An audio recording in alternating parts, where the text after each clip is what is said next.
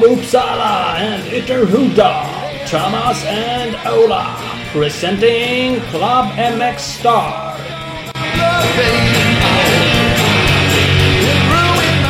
Oh yes! Club Epic Star. Här är vi, här är vi. Mm. Är du här? Jag är här. Jag är här. Coronatider. Vi kör lite oldies eh, avsnitt. Ja, faktiskt. Det händer det, inget. Det är svårt att prata aktuella grejer när ingen jävel gör något. Lite så är det. Men det gör inget. För vi har ju roliga, andra roliga avsnitt då. Mm, faktiskt. Jävlar har vi gått igenom karriären här för eh, Jocke Hedendahl. Ja, in i varenda eh, millimeter. Mm. Eh, så riktigt kul. Eh, långt avsnitt. Roligt. Härligt. Han har gjort mycket. Ja, faktiskt. Mycket har han, han verkligen gjort. Och, eh, men som sagt, det är ju coronatider. Folk eh, kanske sitter hemma och har boring eller eh, härdar ut på jobbet. Det är klart ni ska. Det är klart vi ställer upp då och fixar ett typ nästan två timmars avsnitt åt Mm. er. Så Det är så vi jobbar. We aim to please bara. Precis, precis så är det. Hörru, vi ska tacka lite partners. Ja, vad är vi utan dem egentligen? Det är ingenting. Eh, Husqvarna har vi med oss. Och här, nu måste ni vara med. På, på fredag den här veckan alltså är det premiär av Husqvarna Motorcycle Scandinavias nya Youtube-kanal. Den finns kanalen.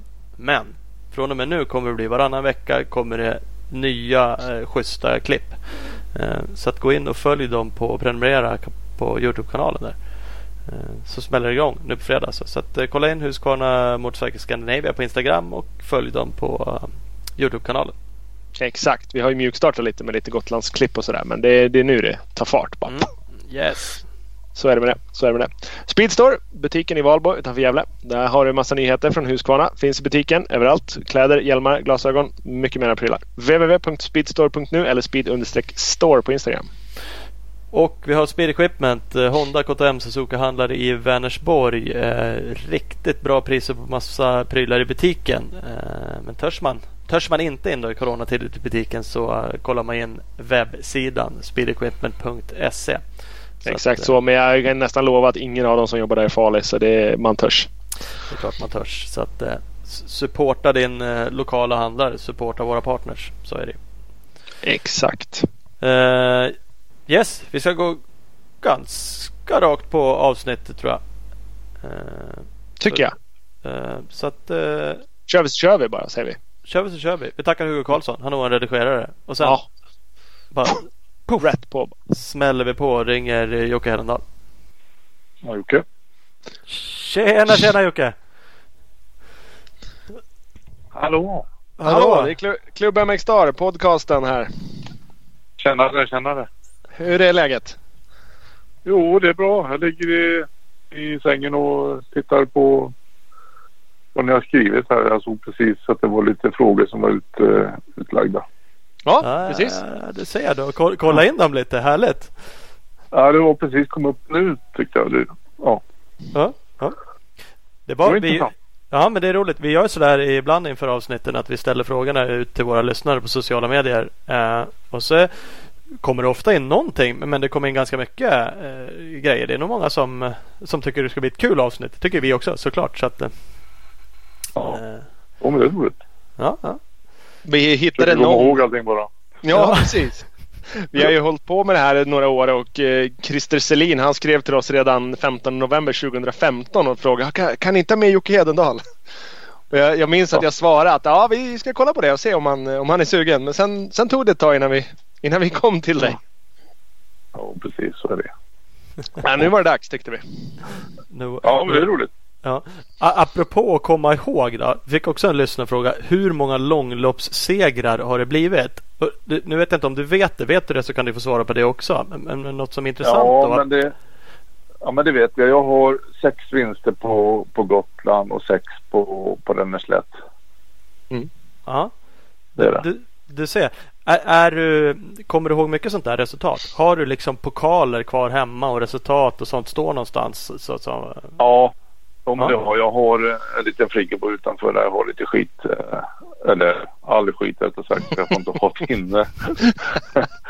Eh, det tar ju sån jävla plats. Men jag tycker det samtidigt är lite roligt. Då, för man, ibland så, ja, så står man och tittar ut i luften så det finns en liten eh, berättelse om allting. Vissa kommer man ihåg eh, när det var och, och sådär och vad som hände och sådär. Men eh, ja, det är lite roligt faktiskt. Jag tycker det är lite kul. Mm. Ja, Fan, fan vad roligt för det där är ju så här, och det, det triggar ju att se någonting. Det kan ju faktiskt vara att se pokalen för att den såg ut på ett visst sätt och så minns man någonting kring tävlingen ja. eller bil, bilder och sådana saker. Så att, men, ja, men det är långt ifrån alla som gör sådär. Man, man hör ju folk inom många idrotter där de frågar liksom bara, Nej, min OS-medalj, ja den, den har jag slarvat bort liksom. och så tycker man det, ja. fan vad konstigt liksom. Ja, nej men precis. Nej, men jag tycker lite, det är visst man, man tänker inte på det jämt men äh, äh, det har ju, man har ju fått sett så mycket liksom och träffat så otroligt mycket människor och upplevt liksom så jävla många konstiga ställen.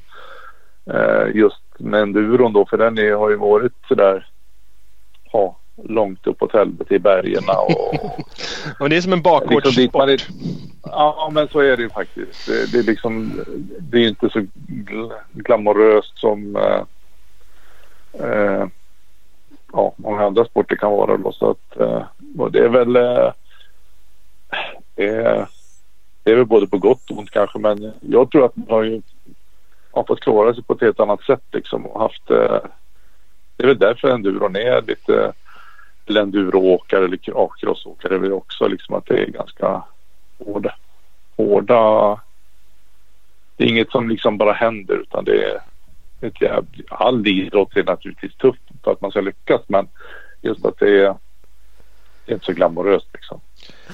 Det är ett jävla slit bakom det helt enkelt. Ja men så är det ju. Jag menar mm. det är ingenting som man kan äh, äh, ja, jävla skit göra egentligen. Ja, men det är mycket runt omkring den här sporten också. Så. Det är som du säger, alltså, att bli bäst i vilken sport som helst är ju liksom en, en uppoffring och svårt. Men det här är liksom Det är motorcyklar, det är kläder, det är bilar, det är garage, det är resor, det är boenden. Alltså det, ja. ja. Så det är klart det är speciellt. Ja, det är det som att driva företag liksom. Och så ska man ha koll på allting och, och ja, det, det, det gäller verkligen till att man har extremt bra människor runt omkring en liksom som eh, eh, för att kunna lyckas med, med det där liksom. Och så är det väl naturligtvis med alla idrotter. Har man folk som man litar på och vet vad de ska göra och varför de ska göra det så är det ju mycket lättare att lyckas. Så är det. Mm. Mm. Helt klart, helt klart. Vi, vi, kommer komma in på massor med grejer eh, såklart. Ja. Vi, vi, brukar börja med några snabbfrågor. Jag tänkte vi skulle göra det nu också. Ganska enkla. Eh, de presenteras av en partner som vi har, Big Balls eh, MX. De kan ni hitta på bigballsmx.com och butiken är i Växjö. De har just nu fantastiska priser på Suzuki-hojar. 250 och 450. Det, det är kärt för dig va? Det kommer också. Ja, det var ju det är bra grejer. Så är det. Ja. Eller det var bra grejer. Nu finns ju inte de där eh, endurohojarna kvar längre tyvärr. Så det är bara cross. Mm. Som jag förstått. Ja, det var cross. Ja. ja det är det. Vi, vi kommer tillbaka till den också. Men vi, vi kör snabbfrågorna. Ja. Eh, fullständigt namn? Rolf Per Joakim Hedendal. Ja, härligt. Äh, ålder? 54. Bor? Alingsås. Uppväxt? Eh, Rådmansö utanför Norrtälje. Mm. Eh, familj? Fru, tre barn. Eh, dold talang? Ja, det vet inte jag faktiskt. Den är väl dold säg.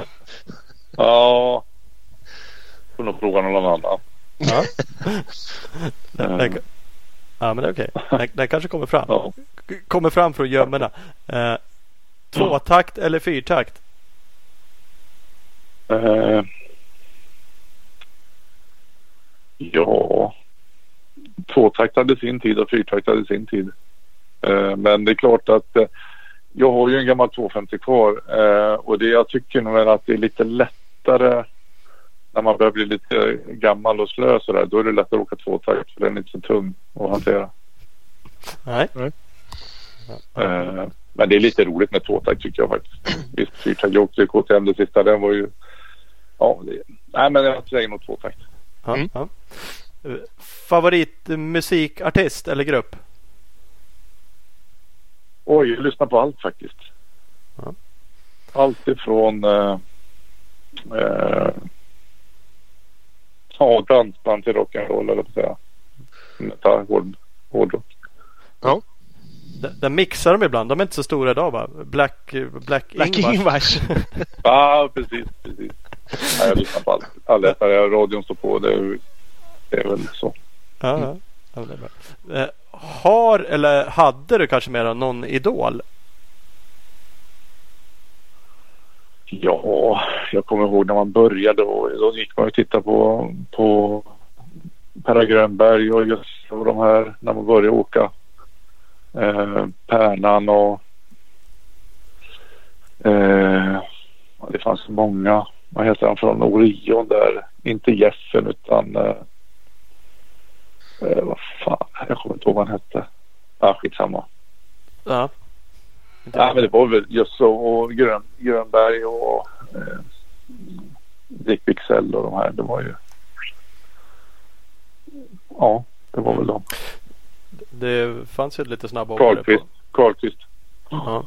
Mm. En sista. Kåsan eller Gotland National? Eh, ja, det är. Eh, ja, Kåsan är störst, så är det. Mm. Men lättare. Eller eh, Gotland är lättare än Kåsan. Ja, Det är bara tre timmar. precis, precis. Ja, Det är, Då har man drygt halva kvar på Kåsan. ja precis. det är ju samma tävling för majoriteten av svenskarna ändå. Det, det är inte så Ja, noga. Pu- ja. Publiken som inte vet. precis. Nej, precis. Eh, ja, vi, vi kommer in på både Kåsan och Gotland. Det har ju onekligen gått bra för dig i de tävlingarna. Men jag tänkte, ska vi börja Ola också med, med någon form av kanske dels ungdomskarriär eller när det började och då kanske man glider in mer på SM-karriär. Mm. Det är inte helt lätt. Internet var inte så jävla utvecklat då förr. Det var inte helt lätt att göra research och hitta massa resultat från 86 vann du JSM-guld som jag hittade. Men före dess så har vi inte så stor koll. Nej, det var väl. Eh, jag började. Eh, när jag fick körkort när jag var 16 då skaffade jag en gammal IT. En Yamaha IT 125 eh, som jag åkte på. Eh, och då blev det att man började åka lite i skogen. Eller man åkte ju alltid motorcykel. Eh, Överallt. man, ja, men, ja men typ det var ju så. Eh, hela tiden och jämt. Och sen så, bör, så körde jag ju cross. Då började jag åka cross. Började åka motorcykel när jag var 81. Jag var 15 år. Eh, och då eh, sen när man fick körkort då, då blev det ju eh, att man började åka lite på vintern.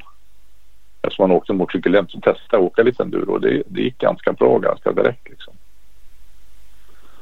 Eh, och eh, ja, sen så hade jag cross och så väggade jag någon crosscykel där istället för den här itan var inte riktigt eh, så bra kanske att åka med enduro som en crosscykel var för den hade mycket bättre fjädring och bättre klipp i motorn och allt sådär så att det var jag reggade en, eh, Yamaha då en 125 Mm.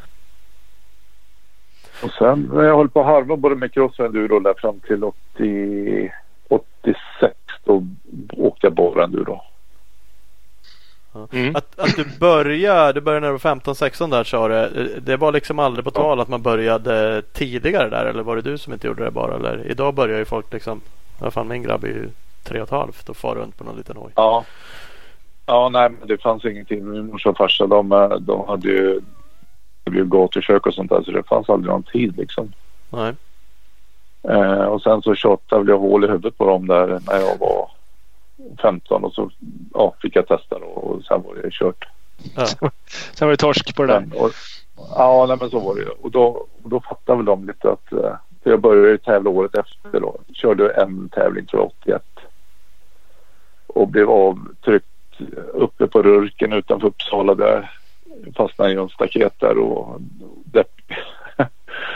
Så att eh, det var väl första tävlingen jag åkte i, på Rurken i Uppsala. Mm. Sen, eh, sen så blev det då, fick jag en ny cykel 82 sen var vi runt överallt liksom och tävla lördag, söndag typ. Eh, tränat i Halmstad då. Och, och körde jättemycket tävlingar. Så det var ju naturligtvis jätteroligt. Eh, det är klart det var en lång väg att vandra. Mm. Men det var jävligt skoj.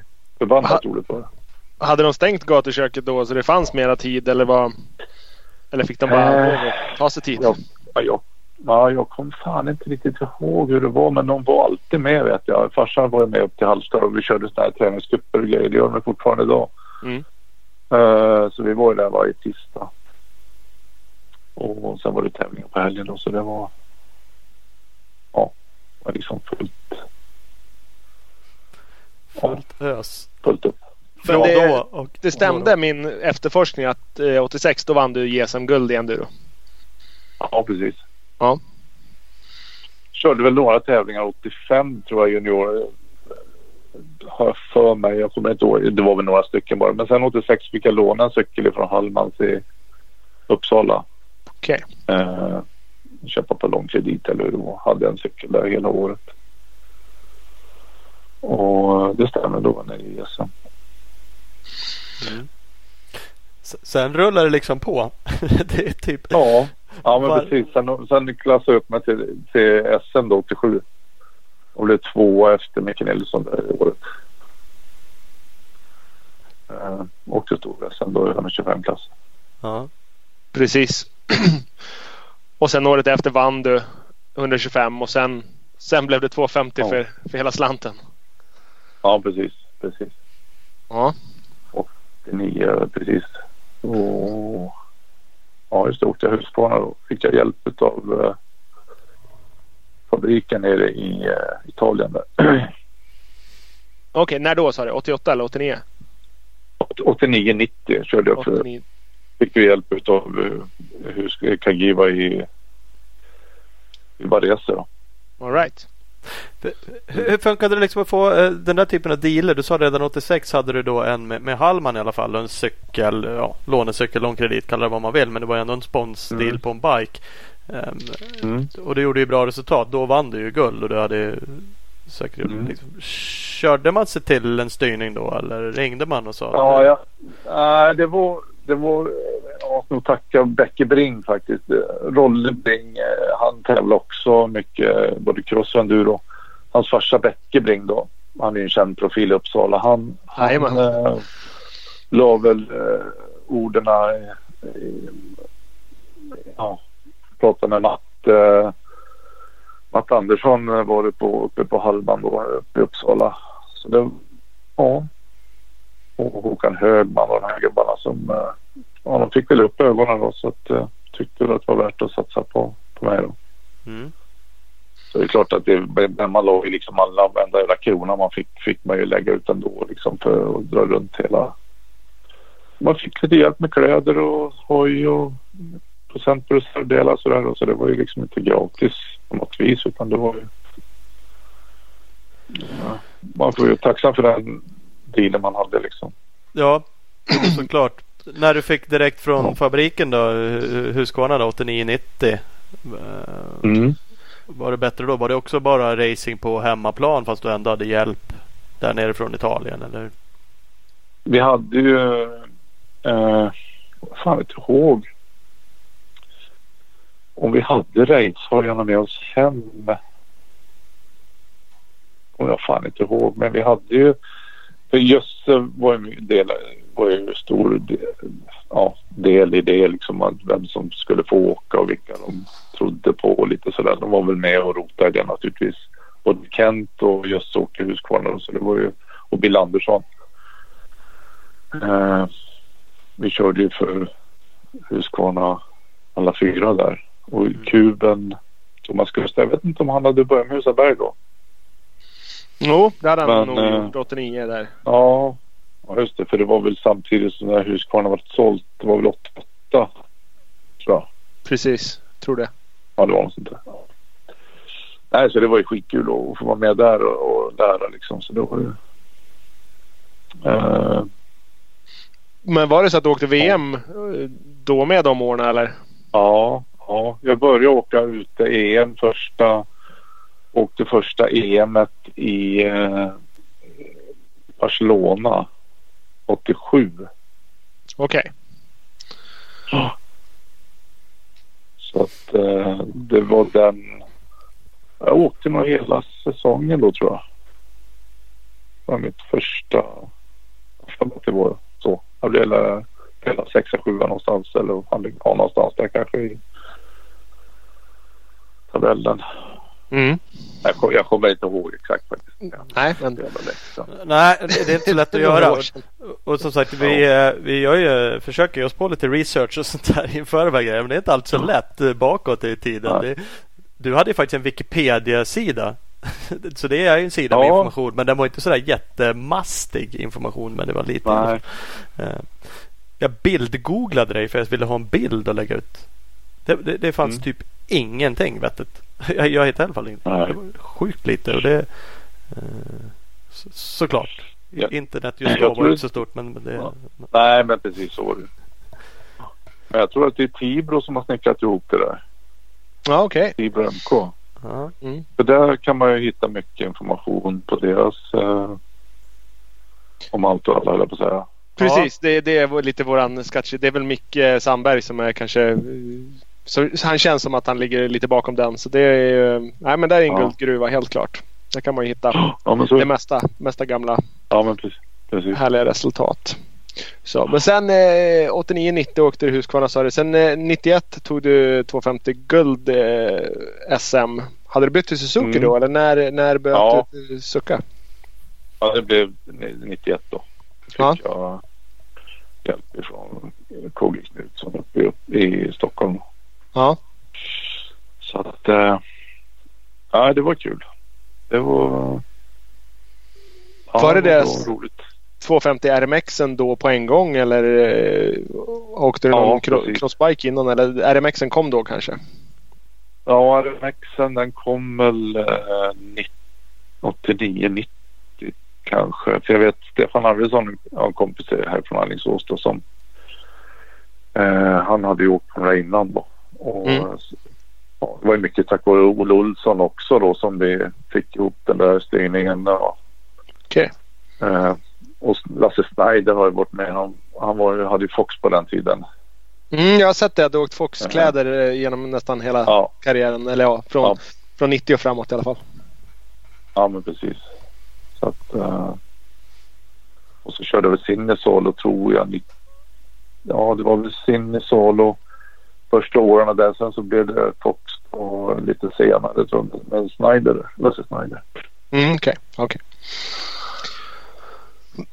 Apropå Ja. k- kläddealer. Har du någonsin åkt liksom, eh, är det bara fria-kläder eller har du haft eh, pengadealer, alltså något bonussystem eller någonting för att åka i i just kläder och sånt där? ja det var väl. Eh, vi hade nog fritt material. Eh, hade vi. Både ifrån. Eh, nej det fritt var det ju inte. Ja från Snyder var det väl fritt. Det skulle alltid se bra ut och sådär. Sen hade vi på Sinnes det var, vi, det var nog eh, Hallman som hade det också. Eller ja, Hallman som hade det. Mm. Har jag för mig. Ja, Det var väl visst antal man fick ta ut. Eh, sen kommer jag faktiskt inte ihåg om man hade någon eh, bonus. När vi åkte för, eh, för, för fabriken i hus, Huskvarna då hade vi åkt vid Bär. Då hade vi ju någon deal där. Etta, tvåa, trea tror jag det var i VM då. Eller EM. EM var det 89. 90 fick vi VM-status och då hade vi väl någon eh, deal då om man blev etta, tvåa eller trea där. Mm. Men där var det ju, där, när vi körde och Bär då var det fria grejer. Det var ju hur mycket som helst liksom. Så det var ju aldrig något Okej. det. Liksom.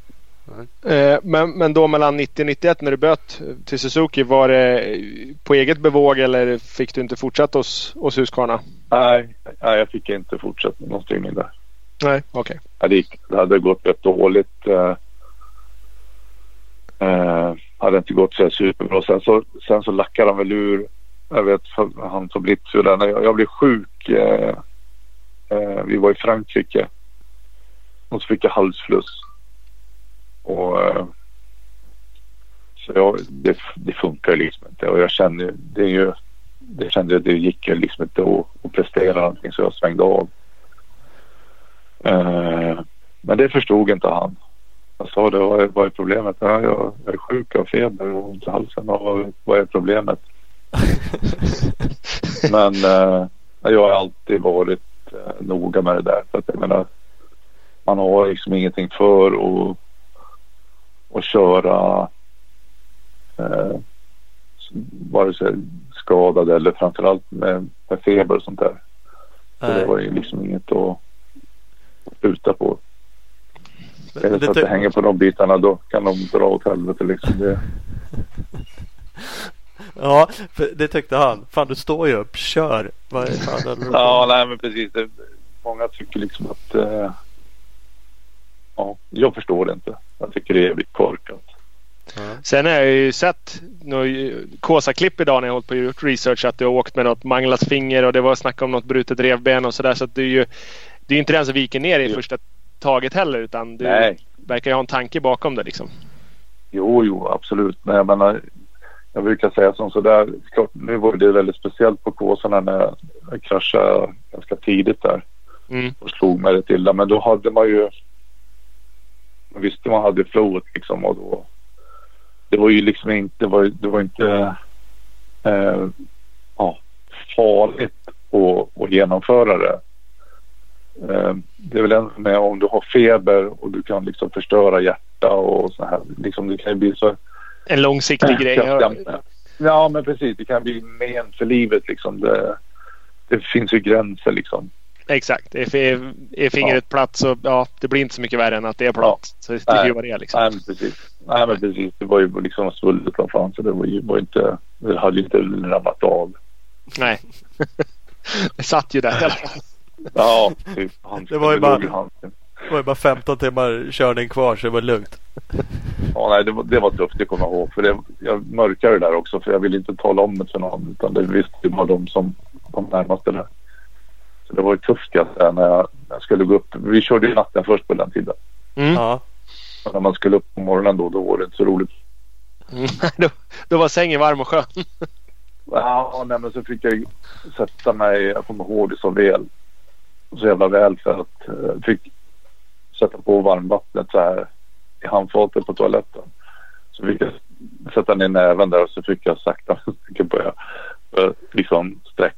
Och det var högen också. Sträcka och böja och sträcka för att få igång rörligheten. Ja. Ah, fy fan. Det var ingen lek alltså. Usch. Ja. ja, ja. Men det är ju, ja. det är historier liksom att ha med sig och det är som du säger, ja, det är en skillnad eh, mot då. Mm. Det är skillnad på killar som spelar fotboll. Som ja. springer förbi och så... Ramlar omkull av att någon sprang förbi vinddraget bara. Ja, precis.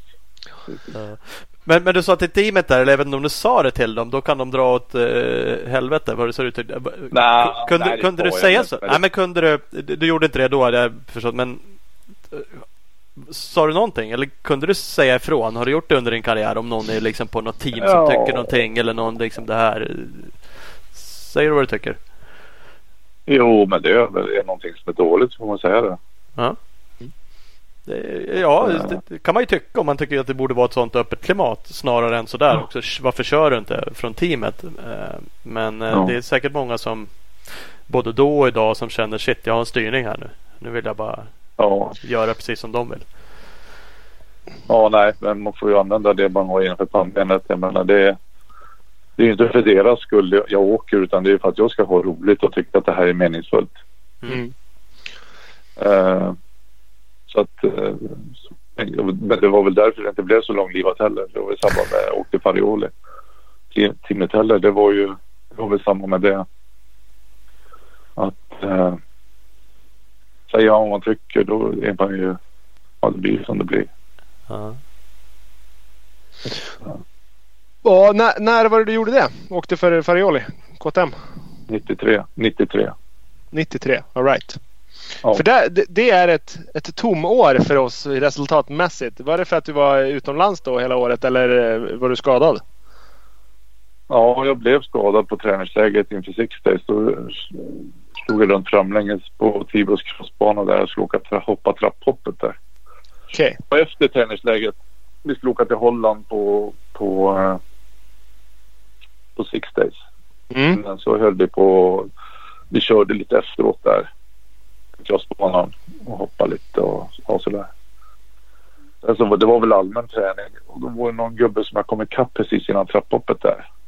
Eh, I böjen. Så jag slog av. Och kunde inte liksom slå på full karamell innan där så då hoppade jag lite för kort och landade i uppfarten där. Så då gick jag runt framlänges och landade på axeln. Och eh, skrotade den rätt ordentligt. Okej. Jag fick åka till, eh, åka till sjukhuset där. Peter, eh, Peter Hansson ställde upp där och stöttade där och körde in mig till sjukan. Har för mig. Så de kollade lite och klämde lite och sa att det där, ja det är inte så farligt det där, du får åka hem. Men eh, det visade sig att jag satt ju hemma i en vecka. Jag satt och sov en vecka. Eh, sen så ringde jag en, en jävligt duktig läkare här i Alingsås och förklarade vem jag var och, och varför jag ringde. Och så sa jag, kan du, du titta på mig? För det är någonting som är galet med min axel här. För jag har förklarat att jag har suttit och sovit typ en vecka. Det tog 40 minuter att duscha och ja, det var liksom galet. Jag sa väl det att ja, men jag fixar en tid här så får du komma upp. Och så han öppnade och tittade. Då var det ju Ja. sopor. ligament och sånt. Ja, det var skrot liksom. Det var, så de skruvade ihop det där och, och fixade till det. Så det blev bra. Jag var hemma i sex veckor eller något sånt där och sen så fick de plocka ur det här skrä- skräpet då, som de skruvade i. Och sen var det bara rehab då, börja träna. Ja. Mm. Men, Det- men Six det Days faktiskt. inför Six Days gick ju också i slutet av säsongen då. Så det var slutet Ja, av 93. precis. Ja, precis. Det var väl det. Jag vet inte om det var i oktober eller september. Jag kommer faktiskt inte ihåg. Jag åkte på, jag åkte på semester jag och min eh, fru då istället. Eller sambo var det på den tiden. För som sagt vi hade, vi hade svårt att hitta resultat. Eh, 91 tog du eh, SM-guld 250, 92 guld, 93 Mm. blankt på allt. Typ. Ja. Inget, Got, Gotland hade Ja, inget nej, resultat, SM inget resultat. Nej. Nej, det var nog så att det blev, eh, det blev väl inget bra det året helt enkelt. Nej. Jag kommer faktiskt knappt ihåg att jag kommer ihåg. Jag hade Christer Nyström då som hade importer på KTM. Uh, eh, men det var ju... Nej. Ah. Skitår. Ja. Apropå skitår. Alltså, eh, eh, har du haft, för vi har inte sett mycket resultat från um, utomlandskarriären heller. EM, VM och sånt där. Mm. Ha- Har, har det aldrig riktigt lossnat när du har kört utomlands? För liksom hemma är det ju guld på guld och brons. Och så det är sju guld, fyra silver, fyra brons har Ola här lyckats Mm. få det på SM. Mm. Eh, Jag, blev, jag blev tvåa som bäst i VM på 91. ja. Eh, individuellt då efter tio Och sen var jag väl trea året därpå tror jag. Och sen var jag väl fyra tror jag. Sen, eh, jag kommer inte ihåg sen. Det året du kraschade 93 var du fyra på VM där. Ja, för mig det. Mm. Och sen åkte du KTM 94 också eller? Nej, jag gick tillbaka till Suzuki då. Ja ah, okej, då gick du tillbaks igen. Det var bara ett år på, på KTM. Ja, Ja, alright. Det, det, det var ingen RMX helt enkelt. Det var bara byta tillbaka som gällde ja jag fick ingen styrning och det var... Eh, fick ju inget, inget för, förlängt på Farioli och, och, och Nyström. Det funkar inte heller så det var inget. Det var bara att flytta tillbaks till Suzuki. Så det var ju jävligt bra. Mm. Eh, men då när du blev tvåa 91 då åkte du Suzuki RMX 250. Men hur funkade det? Ja. För då hade du en KGK-deal eh, i Sverige. Hur Ja. funkade det med VM då liksom? Ja, Jag fick eh, skrapa upp e- egna sponsorer. Ja okej, det var så. Ja. Mm. Och, och även fast man blir tvåa då i VM så är det inte bara pang en styrning till nästa år 92 utan då var det samma, samma deal igen. Ja, precis. Jag trivdes bra på de där grejerna så det var ju liksom ingen Alltså Nej. liksom nästan ingen anledning. Och, ja, faktiskt så pratade jag med eh, Yamaha i eh, åh, vad hette de? Belgarda. Eh, ja, jag, jag kommer inte ihåg vad de hette. Yamaha-teamet i Italien i alla fall. Eh, Mm. att, de, eh, de var ju intresserade. Och eh, jag var dit och pratade med dem. Men jag tog nog i för hårt där så att de sa att det finns. Det, det var, jag ville ha för bra betalt liksom så att det, det blev inget. Ja, okej. Och då blir det så. Ja, ja. Då är det så. Då är det så. Då är ingen idé att krusa. Ja. Du, du hade ju grejer som du Ja. visste funkar liksom. Ja men så är det ju. Så är det. ju. Men, men då var det även när du körde de här teamen då, då var du alltså var du heltidsproffs då? Alltså lön tog i för Nej. hårt? Nej, det var ändå. Ja, jag, jag vill ju ha, jag vill ju ha en, en påse med pengar för att skriva på. Mm. Eh, men det, ja, de tyckte det var för mycket. Mm. Och då lyfte jag på hatten och tackade för mig. Mm.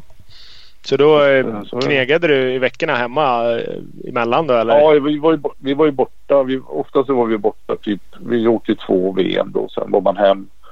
Och så jobbar man lite grann. Jag hade ju en jävla bra arbetsgivare på den tiden. Jag var Bill, Bill, Bill Anderssons eh, eh, farbror.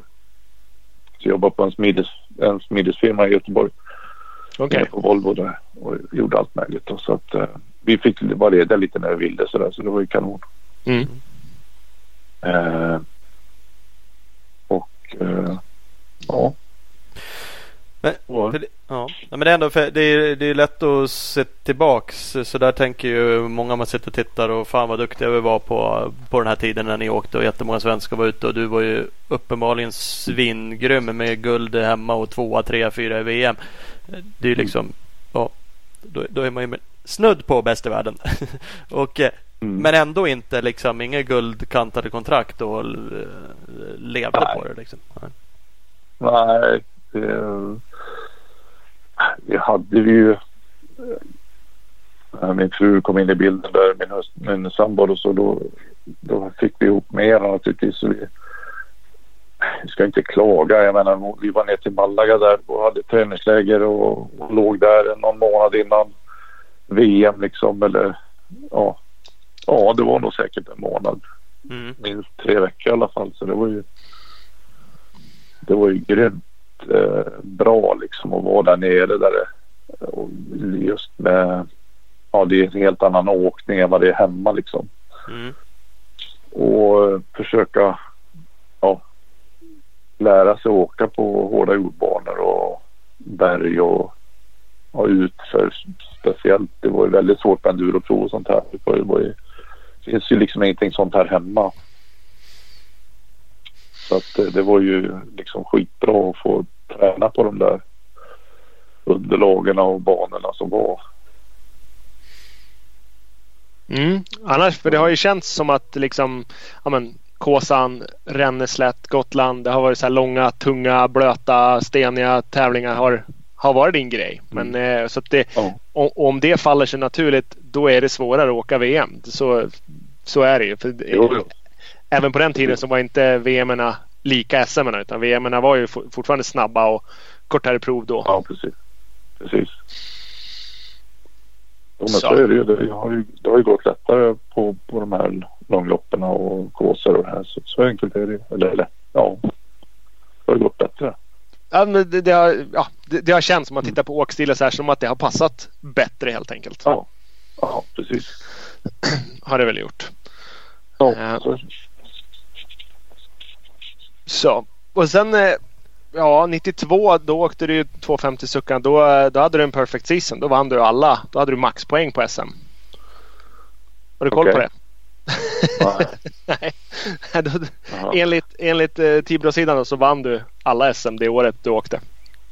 Okej, Och det, det är också bra. Ja. Det är ett eh, bra sätt att Ja. vinna SM. precis. Men sen bommade du 93, sen var du tillbaks 94 och 95 på guld igen och då var du tillbaks på Suzuki. Och sen så höll du i Mm. den med den ända fram till Böt du 0-0 eller böt du tidigare? 00 då åkte jag, började jag åka KTM. Ja, precis. precis. Ja.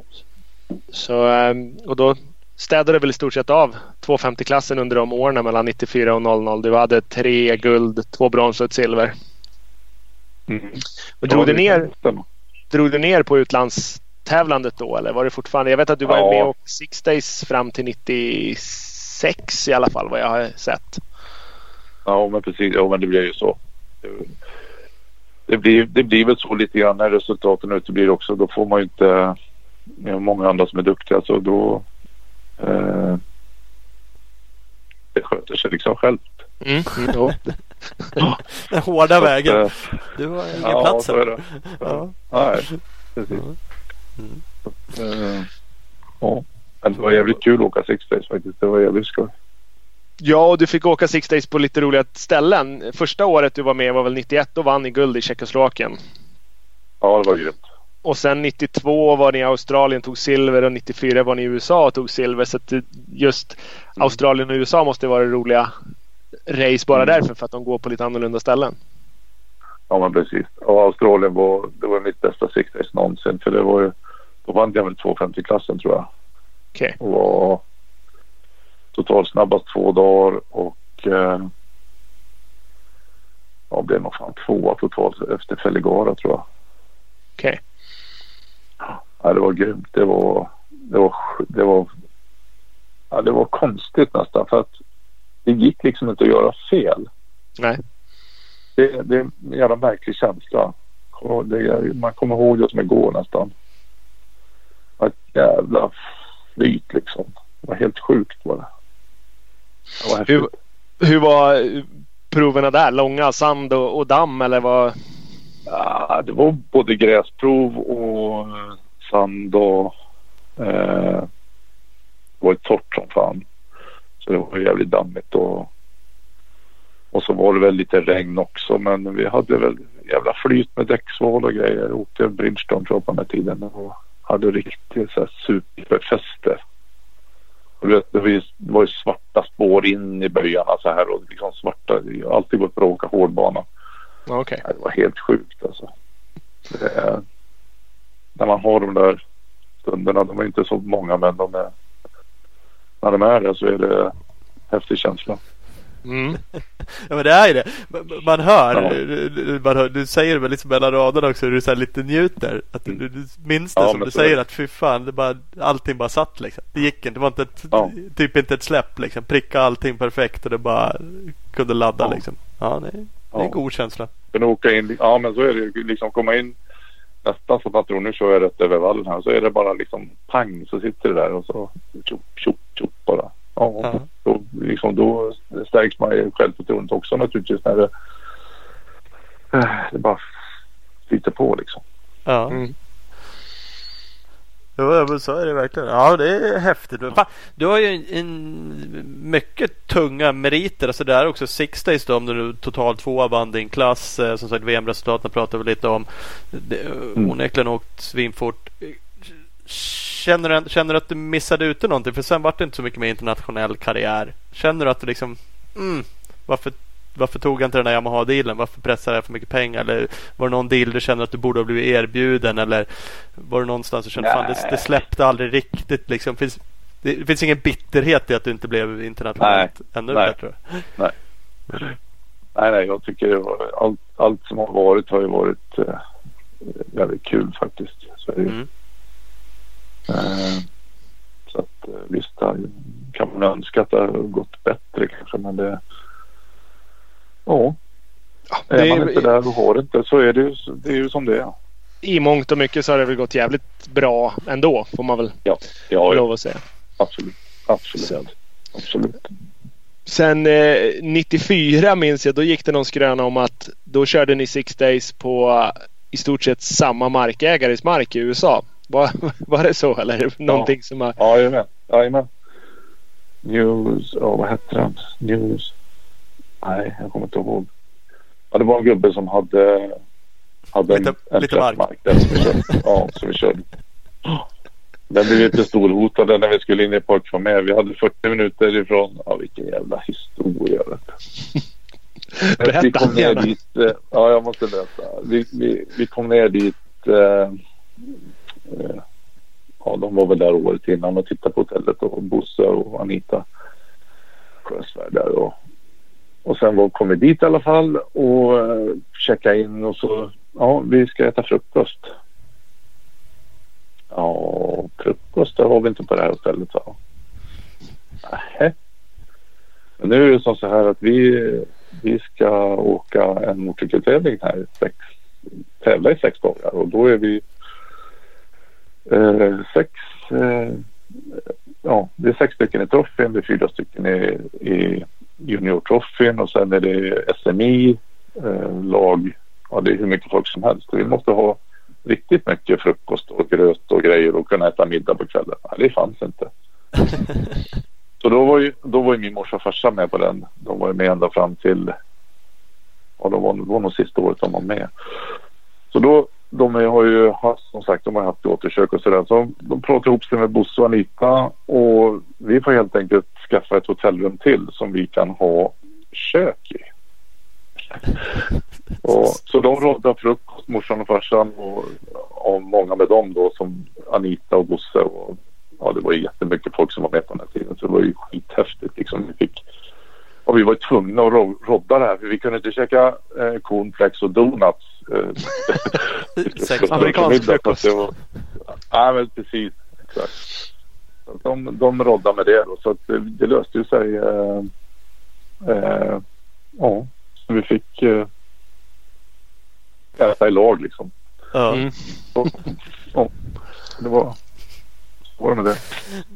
Det är skönt ändå. Det var ändå ambitiöst att vara där året innan och kolla hotellet. Men glömde att fråga om Ja. Frågan är vad de gjorde. Kolla baren, mini Nej, eller baren var Nej, bra som ja, fan. Ja, nej, precis. Jag, jag kan inte svara för det men uh, uppenbarligen så blev det väl någon eh, miss eller någon dålig. eh, ja, det blev som det blev i alla fall. Ja. Men det löste ju sig som tur var. Precis. Men det har ju också känts som Ja. att det, det var enklare att lösa problem då för när, när ni var ute liksom. Det, ja, det, det var en jävla laganda över det hela och ja, man, man löste problem bara. Ja, ja men ja, vad är alternativet? Ja, nej men så är det. Så är det. Ja, så är det. Det, det vet jag någon frågade mig på, på Gotland en gång när det var så extremt, undrar om det inte var det året när det hade snöat så förbannat. Och det var jätteproblem för det, ja, det är ett kalksten och det här jävla sörjan det blir ju besvärligt för ögonen. Mm. Det var någon som frågade mig, jag tror jag hade vunnit det året till och med, som frågade hur kunde hur, hur kommer det sig att du kunde åka utan glasögon? Ja du, sa jag. Vad har man för alternativ? Ja. ja, det ligger något i det. Sen var, ja, end of discussion. Ja, men lite så. Det var ju klart. Ja, ja men så är det. Faktiskt. Ja. Ja, och 91 där då började du vinna lite på Gotland. För innan dess, det var första året du vann där tror jag, 91 som jag hittar. Mm, ja, precis, precis. Ha- Hade du åkt där några gånger innan och inte lyckats eller stekte du av? Ja, jag var där faktiskt. Nej, nej, nej. Jag var där. eh, Jag var nog där både. Ja, kan ha varit då, när det var det här leasingkonsult eh, racet där. Ja, vad, 87 eller 88. ja något, precis. När de delade på prispengarna de rackarna. Ja, precis. När Göte körde fast. Mm, exakt. Eh, ja. Jag har varit där. Ja, jag vet kommer inte ihåg. Jag, var där, jag tror jag var där 80. 87, 88, 89 vet jag inte om jag var där. Nej. Men sen när du väl lärde dig vinna då, 91 när du listade ut hur man gjorde då, då var det över Ja, precis. då gjorde du det några gånger där. 91, 92, 94, 95, 96, 98. Det, det är Ja. ändå godkänt. Ja. Får man lov att säga. Ja, det, det, det är skapligt. Det är skapligt. 97 då när lappen vann första gången. Var du, låg ni och fightas då eller hände det någonting? Oj. Minns du det racet? Nej, jag gör faktiskt inte det. Nej. Han hade tagit några år för han och, och, och, och kommer från den hårda skolan, crossåkarskolan. Mm. Så att, eh, men han, eh, jag vet jag pratade mycket med, eller mycket, jag pratade med Anders Eideman. Han tränade väl Mats på den tiden. Mm, precis. Eh, och, eh, och han utvecklades ju ganska, ganska fort faktiskt. Han fick lugnat ner sig lite grann ifrån Mm. cross, crosstakterna där. Lite, lite tro, trottelkontroll och sådär så det, det sladdar lite Ja, mer. nej, men precis. Ja, men precis. Så han blev han ju grym. Han är ju han är kingen på Gotland nu så att det, det är väl ingen som knäpper det där rekordet med åtta segrar. han. Nej, det är väl så. Men det tog ju ända fram till 2008 innan han... 2008 Mm. gick han upp jämsides med dig och sen vann han 9 och 10 så då gick han om. Men han har inte vunnit sedan 2010 nu. Nej, nej, precis. Så att man, man tycker att fan, det, det, det var inte så länge sedan. Han har ju chans att vinna men det var fan snart 10 år sedan han vann. Så att det, Ja, precis. tiden springer iväg. Ja, det... Ja, vi blir inte yngre direkt. Fan också.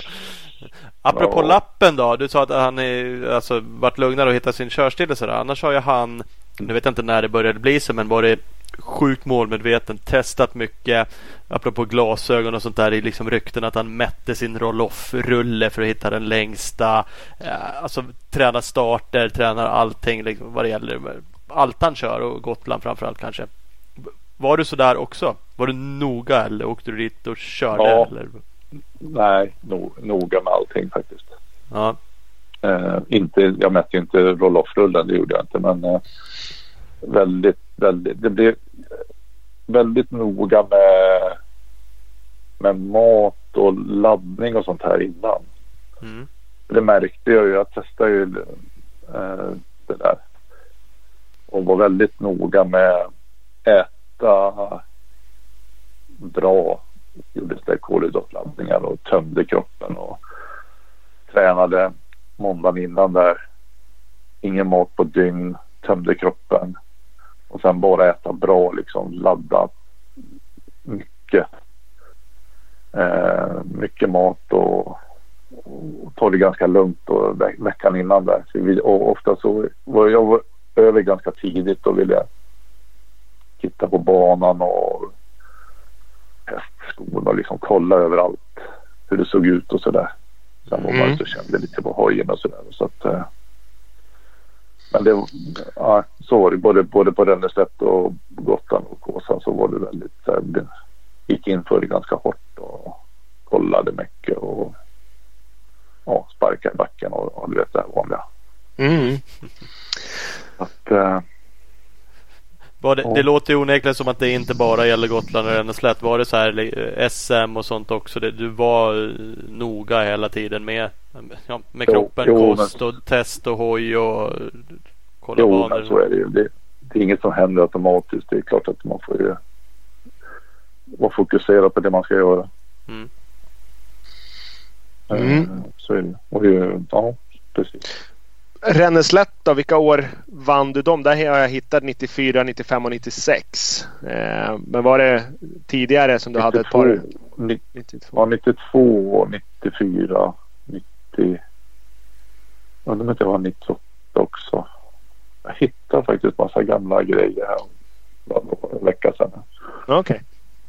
Eh, Men 92 var första vinsten i alla fall. 93 blev det inget för då åkte jag KTM. 94 blev det nog. Ja, jag har den där trofén. Den står här uppe faktiskt i öppna spisen. Mm. Men eh, har inte datum eller år i huvudet faktiskt. Nej. Nej, men det är, ju- det är förståeligt. Det är ju några att hålla reda på. Men Ja. Stångebro är ett sånt där varvlopp. Det, där lyckas du aldrig vinna. Nej, det blev tvåa tror jag som bäst. Tvåa som bäst. Ja, det är ju inte, det är inte dåligt heller. Men eh, vad var det som skilde där? Nej. Det inte riktigt föll på plats. Ja, du. Det är en bra fråga. Eh, det är väl lite sådär att eh, får man inte till det liksom eh, första gångerna då tror jag det går troll lite. Man Mm. tror inte att man ska klara av det. Nej. Jag menar, du kan ju ta paralleller med, med jag menar, som Jösse. Han har ju för fan vunnit allting som går att vinna eh, hur många gånger som helst. Liksom. Och Ränneslätt vann han väl tror jag. Men aldrig något Gotland. Nej. Är det inte jävligt märkligt eller? Jo, helt klart. Jag menar, du- du kan ta, ta en sån som Anders Eriksson som har vunnit VM sju gånger och ja, alla jävla möjliga tävlingar som han har vunnit men aldrig något Gotland. Nej. Det är, fan är det, jo, samma, det är samma med Jocke Ljunggren. Har ju vunnit Kåsan åtta gånger. Det är lite nio, nio nu till och med väl? Tog han inte sin tredje Ja, nu det- sist? Ja, det kanske var nionde till och med. Ja, jag tror det blev Jag nionde. tycker det, det, ja, men det, det känns precis som att och jag vet själv liksom att ja, känner man inte liksom att man tror man inte riktigt på det här själv. Så är det nog fan så att det funkar liksom inte. Nej. Nej, det, det har vi någonting som vi har sagt rätt många gånger faktiskt. Att, att det som vi Ja. egentligen är allra, allra mest beroende av det är självförtroendet. För utan det kan ingen Ja. åka motorcykel fort. Nej, så är det. Bra, ding ding! Reklamavbrott. Vi har med oss CC Motorcycles i Tibro och Kållered. Där får man just nu ett presentkort på 10 lax vid köp av eh, någon av dessa bikar. Man behöver bara köpa en hoj så får man 10 000. Du kan köpa en CRF 50R 2020. Du kan köpa en Husqvarna TE 300i 2020.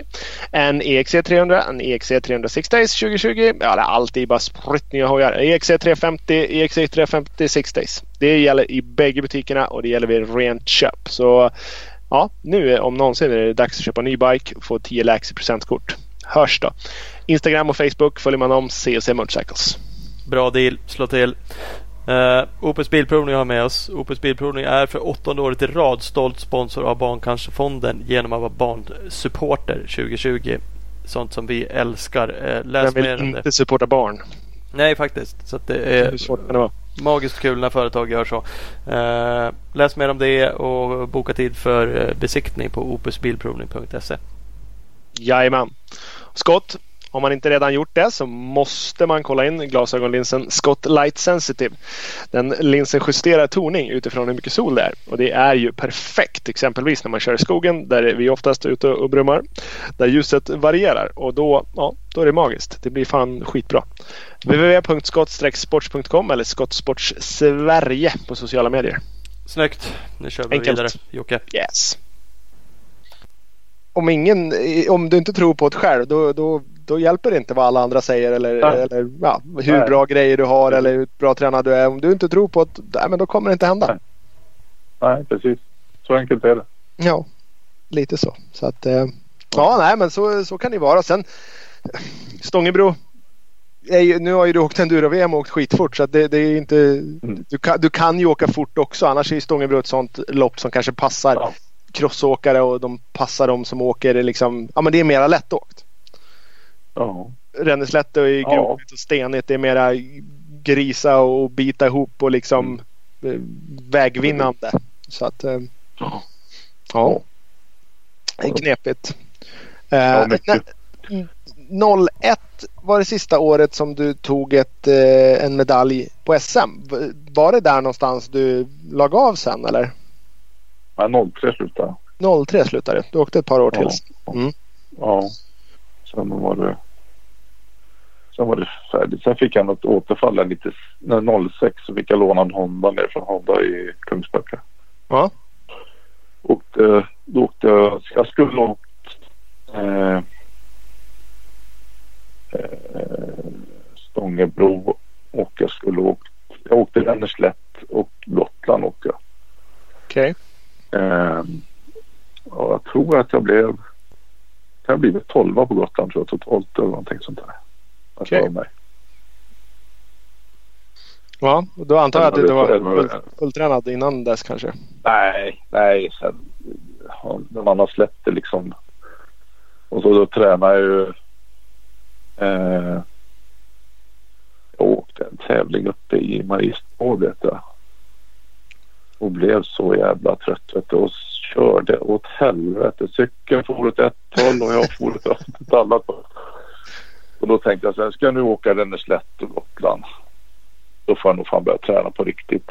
Så då körde jag ju efter det så tränade jag om bra liksom. Men eh, det räcker inte till riktigt ändå då för att eh, när jag kom till Ränneslätta så var det ju riktigt så här suglera. Och fy fan, jag, ja, det gick ju bra ändå. Jag, jag vet inte vad det kan ha blivit, 10-12 någonstans. Mm. Men jag hade sån träningsvärk i mina lår. Vet du. Fram, ända fram till torsdagen. Jag kommer aldrig att glömma det. Jag kunde inte gå ner på knä. Det var, det var det värsta jag varit med om tror jag. Mm. Men då Liksom, Nå- 06 då borde du ha fyllt 40 drygt. Var det 41 då eller? ja, ja. Jag vet inte. Där dam. Ja, där, där någonstans. så att, eh, ja, nej, så det, jag, jag förstår att, att Ja. träningsverken infann sig då. Ja. Helt klart. Ja, det var hårt. Fy fan. Men det var kul.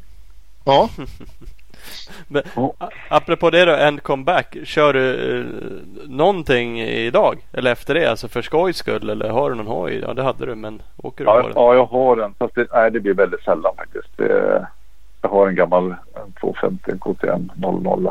Mm. Vi, kör, vi fakt, gjorde faktiskt, vi fick ju något ryck här Stefan Arvidsson och jag och Robban Grönlund och Fredrik Thomasson från Norrköping. Vi körde veteran-SM här för, vad kan det ha varit, 16 Mm. Eller något sånt. Uppe i Eskilstuna. Mm. Det gick ju skitbra. Vi tränade som fan där innan. Så vi höll ju på att vinna. Vi fick stryk med 20 sekunder eller någonting tror jag. Eh, men, ja, så jag körde ju av bromspedalen så jag fick ju ta Stefans cykel det sista, sista varvet där. Så att, eh, ja, det sket sig lite. Det var synd. mm. Det var skitfränt. Ja. Men det tar sån tid vet du. Man har ju liksom inte... Ska man åka så, så vill man ju liksom... Eh, ska man åka liksom en gång i månaden då kan man nästan skita i det för då är det ju... Det blir bara tråkigt. Ja.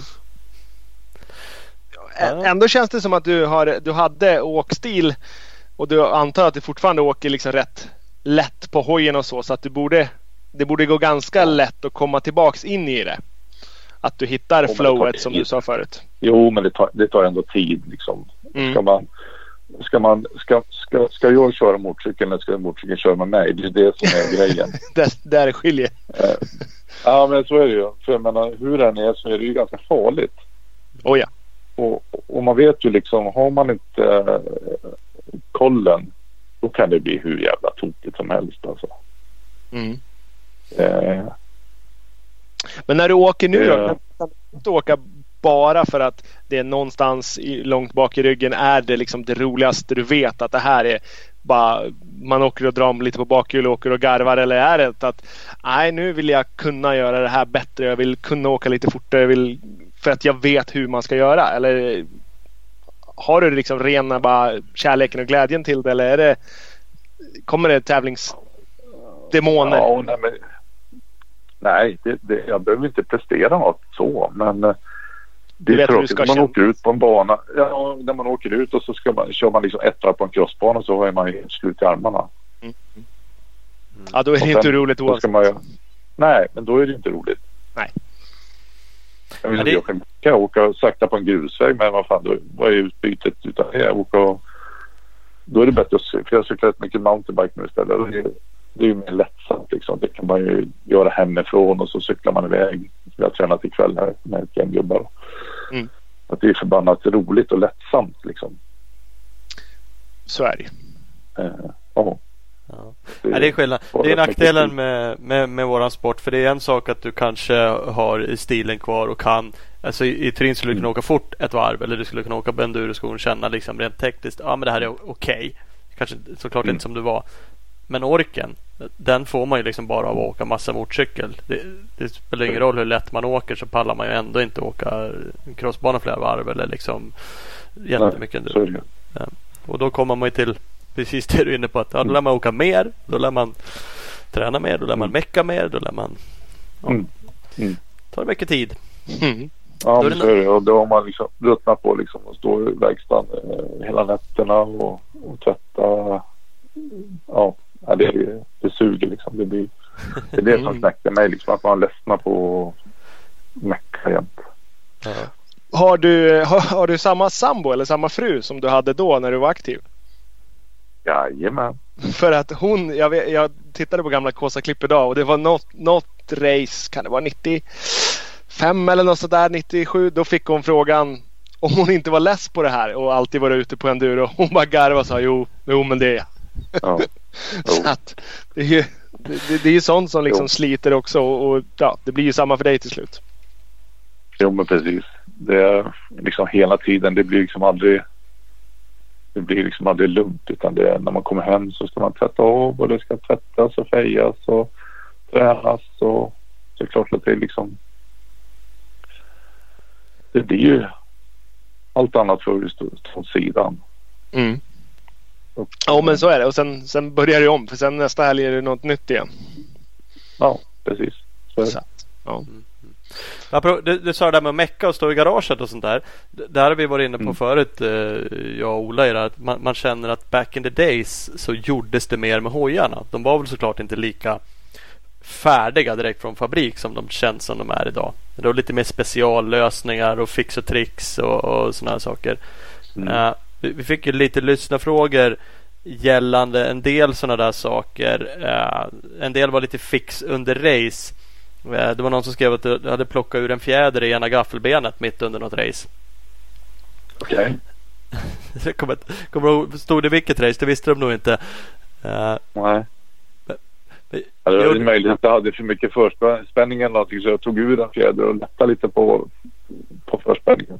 Kan ha varit så. Eller bytte Ja. fjäder bara eh, för att det kanske var lite för hårt. Den här hade något minne av att du hade plockat ur fjädern och typ slängde den i bussen och körde vidare tävling med en fjäder. Nej, det tror jag inte. Jag bytte nog i sådana fall till en mjukare. Det kanske hade lite för hårt då. Det kan ha varit så. Mm. Nej, det, det gick inte på den, på, på den tiden. Det var ju olja i bägge benen. Nu är det väl... eh, Jag vet inte hur det är idag men då var det ju fjädrar i bägge benen. Mm. Ja men det. Vi fick någon annan, ett, ett lagat styre i eh, Uppsala, vet du det? Ras på eh, Ras på loppet. um, Fixat styre med någon eh, trädpinne, någon trädgren. Det är ju intressant vad man gör det. Ja, nej, det kommer jag faktiskt inte ihåg. Det, är- det är lite så här jag mytomspunnet. Ja precis, alla minns. Ja. Ja, jag kommer faktiskt inte ihåg om jag har lagat något styre med pinne. Det har svårt att tro. Jag har kanske riktat något styre med pinnen. Det kan jag ha gjort men... Ja. Kanske. Kanske iskallt med bara bunt band, en trädgren, bunt band, knäckt styre. och Så bara, Ja. Ja, nej, jag, jag, jag, det kommer jag faktiskt inte ihåg. Men det tror jag inte att jag har gjort. Det låter smått otroligt faktiskt. Några andra specialgrejer då? Det gjorde ni några sådana grejer? Det var också någon som var inne på en kylarslang till svänghjulet. Vad det nu innebär att man vill ha kylning då ner på någonting eller? Ja, vi, ja, jag byggde ju när jag åkte... Kent Paulsson han gjorde ju ett, eh, hade ju ett sånt superlyse 95 på Kåsan. Ja, Eh, sen byggde jag, eller inte jag utan det var Megawatt, en kille i Ulricehamn till 96. Så byggde vi ett, eh, ett helt nytt, eh, jag hade original, originalsystemet på, på Suzuki. Då tog jag ut originalsystemet och eh, bytte de här, ja det ser ut som ankare liksom. Som, Mm. som du har lindat tråden runt. Vi satte dit ett sånt som var lite större. Så jag fick ut 100 watt på originalsystemet. Sen så gjorde vi en rotor som vi satte på det svänghjulet. Du vet ungefär ja, en, en vanlig sån här rotor med massa magneter i. Mm. ja. Så en special, specialmutter då till svänghjulet. Sen byggde han en kåpa utanpå alltihopa. Special. Eh, och då den lindade de eh, som fan där och gjorde ett jävla fint jobb faktiskt. Det fick ut 150 watt på, på i den kåpan då. Så jag hade 250 watt totalt. All right. ja. Eh, och då hade jag 150 watt på, på, på huvudet och 100 watt på cykeln. Riktigt, så man kunde använda bägge då. Mm. Och för på den tiden så då hade vi såna här spottar på, på huvudet. Eh, vanliga spottar som man har inne typ. Mm, precis, Ikea. Ikea spottar typ. Och då, ja, men precis. Och, då blir ju, det blir ganska varmt. För vi, vi hade lite olika... Eh, vi gjorde ett system först och då ville han... Då, då gjorde de ju för ventilation därför det blir ganska varmt. För att, eh, för att säkerställa så att det inte gick för varmt för då kan det ju brinna skiten. Mm, då smälter. Eh, ja, men precis. Och då eh, höll vi på att testa. Så vi körde med det. Jag tror vi körde med det. Jag vet inte om det var första året eller andra året. Men jag vet han, eh, vad han nu hette, jag kommer inte ihåg vad han hette. Som byggde, han sa vi har lite större rotor så det skulle kunna gå lite närmare eh, eh, statorn om man säger. Statorn skulle gå närmare magnet eller i, i kåpan då. Men så sa jag jag tror inte vi ska han ville att vi skulle få bättre ljus liksom väldigt tidigt på motorvarvet då. Mm. Men jag sa det, vi ska nog inte leka med det där för att har vi mindre toleranser där då är det lättare att det blir tok liksom, att det, att det pajar.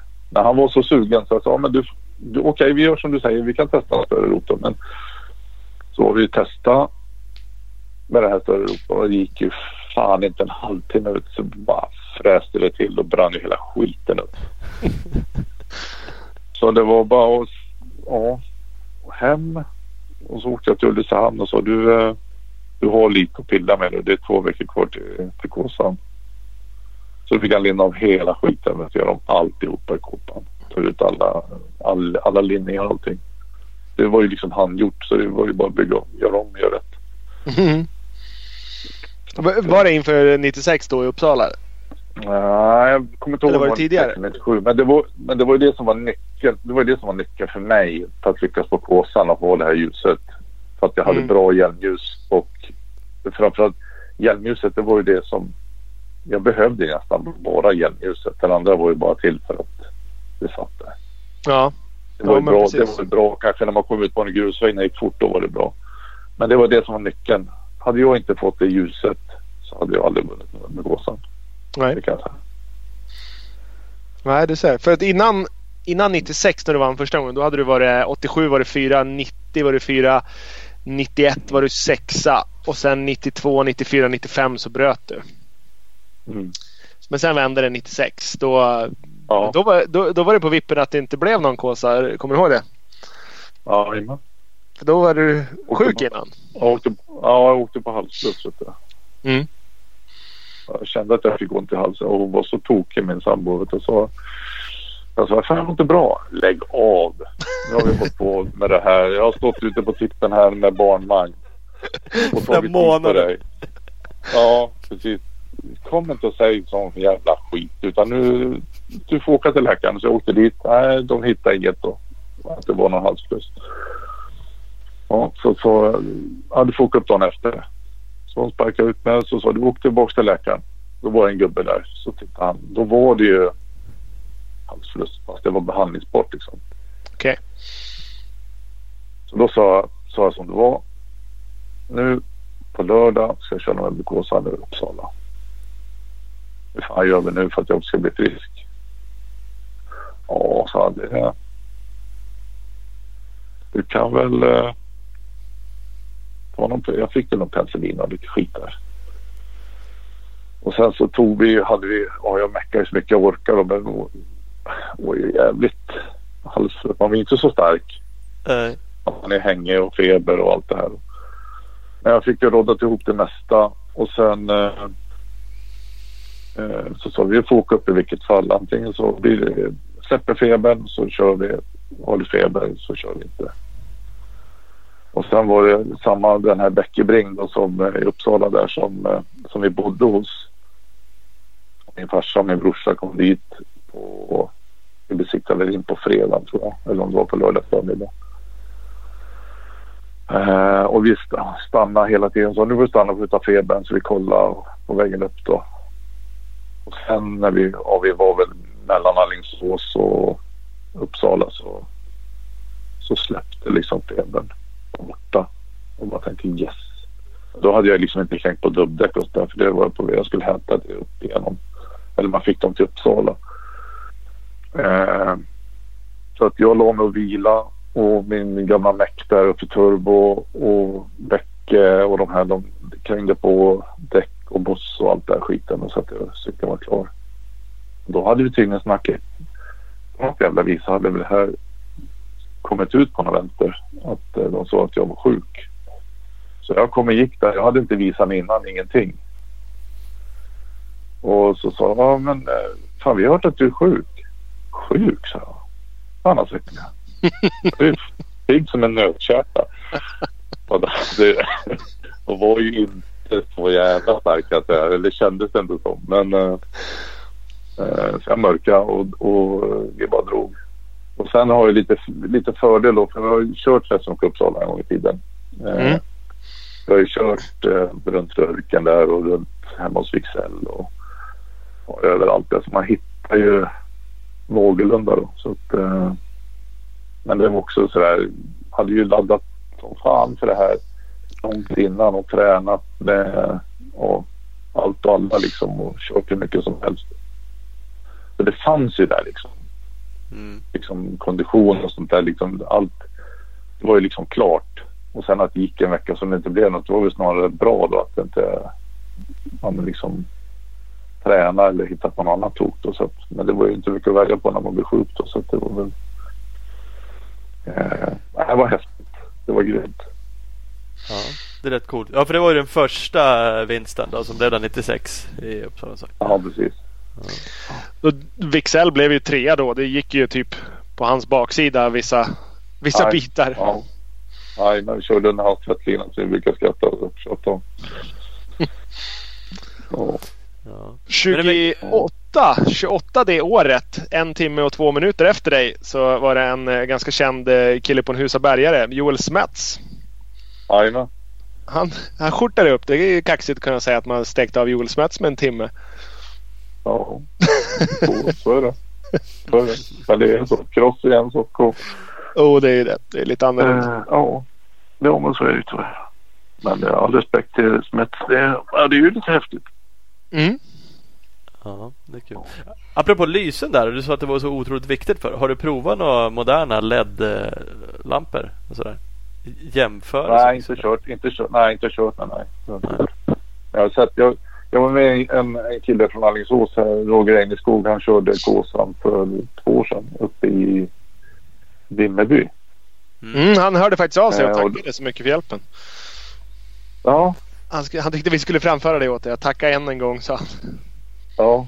Har jag sagt till honom att nu får han ta tag i det i år igen. För nu ska jag försöka åka med honom i år. För det blev ju fiasko i fjol då. Mm. Eh, för han då. Eh, men eh, vad sa vi? Vad pratade vi om? Ja, lampor. lampor. Ja. Ja, just det. Lamporna. Ja, nej. Jag har inte provat faktiskt att köra med de där. Men eh, man ser ju att det lyser väldigt bra. Behöver inte bygga världens elsystem för det heller så det är väl också lite smidigt. Nej, men precis så är det ju. Det blir ju bra mycket enklare. Mm. Så är det ju. Ja, sen, sen vann det 97 i Falun. Då dängde det av Mm. lappen på hans hemmaplan. Då var han lite kaxig innan att han hade ju vunnit Gotland då så att han han tyckte Mm. att han hade ingen press på sig alls utan all press låg ju på er som att för att ni hade blivit frånåkta på Gotland så det vore ju pinsamt om ni skulle bli det i Falun också men Mm. det, det, det blev ni i alla fall inte. Mm. Ja, jobbigt att sticka ut hakan. Ja, faktiskt. faktiskt. Och jag tyckte han sköt ut den rätt långt med han Ja. gick på sådär. Jo, jo. Jo, men det är ju... Jag vet inte. Man får, man får ju passa sig för det där är ju tändvätska. Ja, men så är det. Så är det. Ja, så är det. Ja. Eh, Nej, men så är det. Eh, och sen blev du eh, åtta Nej, du blev femma 98. Men sen 99 då, då låg du i en... Nej, Eskilstuna. Då låg du två eller trea. När du bara bestämde dig för att bryta. Ja. Blev det, blev det mycket uppmärksammat just det? Nej, det tror jag inte. Eh,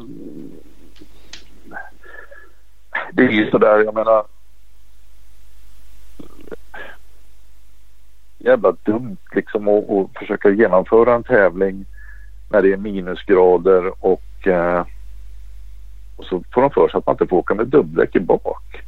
Mm.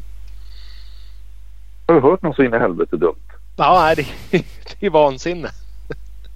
Du vet, ungefär, jag brukar dra den parallellen med ta vilket jävla lag som helst som spelar ishockey eller bandy. Och så säger du till dem så här, ja idag gubbar då ska ni åka med skyddet på höger skridsko. Ja. ja. Jo, nej men så är det ju. Ja, Det är inte perfekt. Men var, det var bara du, det var ingen av de andra som hakade på och tyckte att nej fan det här, är, Ja. det här måste vi markera mot eller?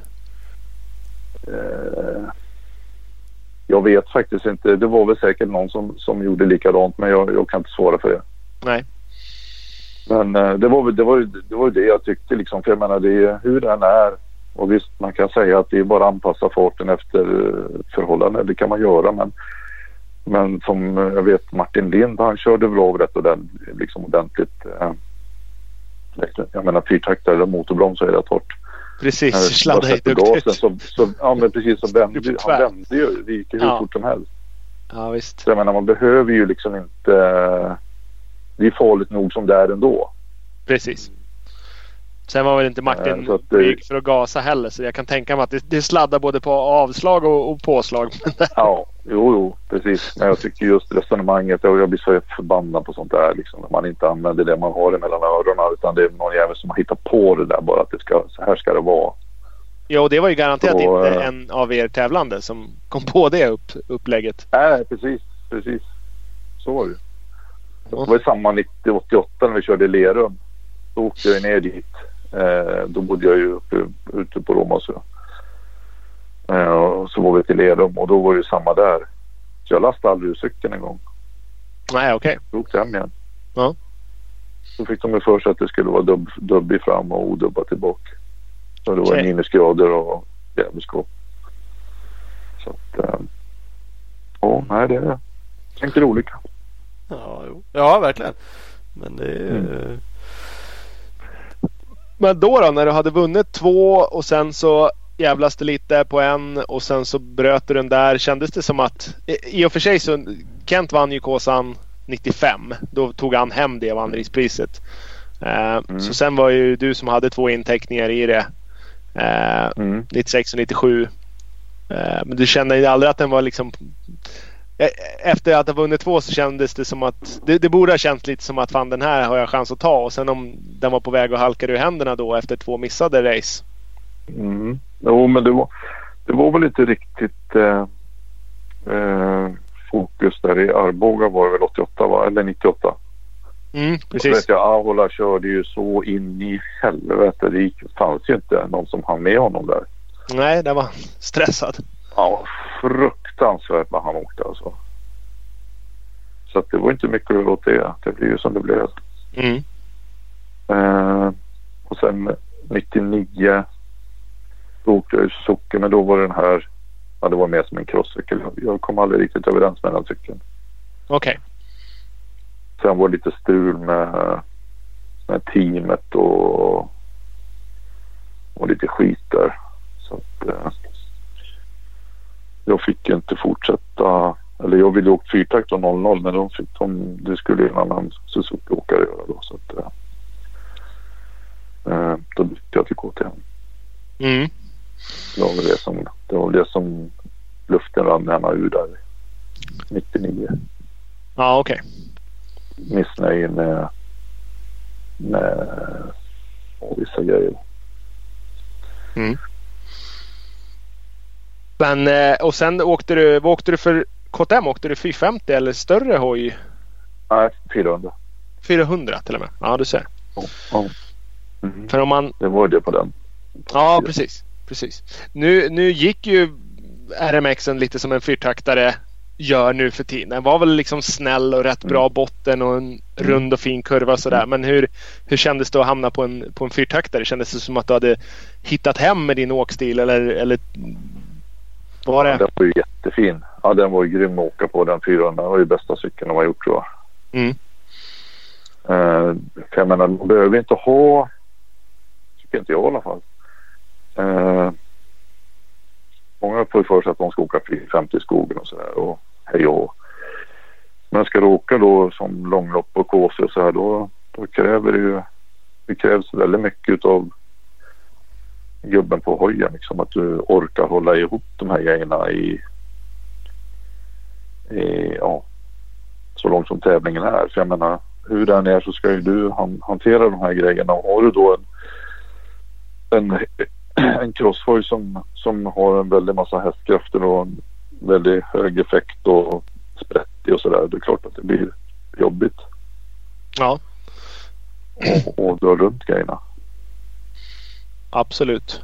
Att, eh, det är väl lite grann eh, så jag har tänkt att. För jag, jag vet de, om det var 0, 02 eller 03 då fick de ut en KTM en, en 450. Som var lite långslagen men den fick jag bygga om ganska direkt. För det, det, jag kände liksom att det här det är Men- jätteroligt. Det går jättefort och den går och det är hur, hur mycket kraft som helst. Men det, vad ska jag ha det till? Ja. Kan jag ha det Ja. någon sandhåla någonstans, det, då är det ju skitbra. Men när man ska in och, och brottas bland stubbar och sten och ja, det är bökigt liksom. Då helt vansinnigt. Då är det bättre att ha fästet med sig liksom istället. Ja men så är Ja men precis. Mm. Följsamt. Ja, Ola var ju lite inne på din körstil och det, nu- det finns ju lite roliga klipp. Eh, arkivet är det väl SVT som har. Eh, och där Mm. jämförde de dig med lappen, vilket år det nu kan ha varit. Du kanske såg det också Ola. Spelar ingen roll. Lappen kom i alla fall. De pratade om att Mm. han var crossåkare så sagt att han åkte rätt så laddade där. Så kom du genom något surhål och så sa de liksom Mm. urtypen för svensk enduro. Han är seg. Mm. Det ser långsamt ut men det håller väldigt långt. Och spar på hans krafter. Mm, det var till 97 i Falun var det. Ja, det var analysen. Men eh, Ja, noll, så det. no, 00 så det SVT-reportaget så eh, då blev du kallad för en relik. Okej. Då var du 35 år gammal. Det kändes inte som att det var alldeles, eh, alldeles schysst. Och här kommer också en Nej. relik. Jocke Hedendal på Ja. KTM. Men eh, det gick ju det med. ja precis. Så eh, Ja, det var kul. Peter Hansson har sagt någon gång att det ser ut som en orm som slingrar sig i skogen. Mm. Att det är liksom inga kastkonstigheter utan det är bara, ja, men det är bara effektivt. Liksom. Ja. Så. Och Men kan det, man göra det lätt då gör man ju det. Absolut, absolut. Och dels, dels var det din åkstil och så kändes det som att, att hojen du åkte, främ- men mest alltså suckan där, den, den gick lite på det sättet. Och det, det var väl rätt stor Mm. skillnad mot jämför med, med Cross 250, en tvåtaktaren som också fanns, så var väl RMXen Ja. rätt mycket annorlunda. Ja.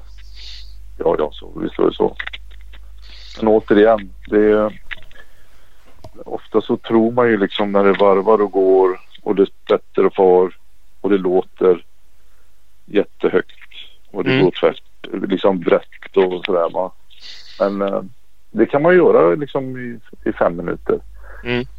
På ett, på ett, eller liksom på ett specialprov. Men sen ska man då åka till exempel som Kåsan och de här långloppen då det gäller att hushålla med det man har.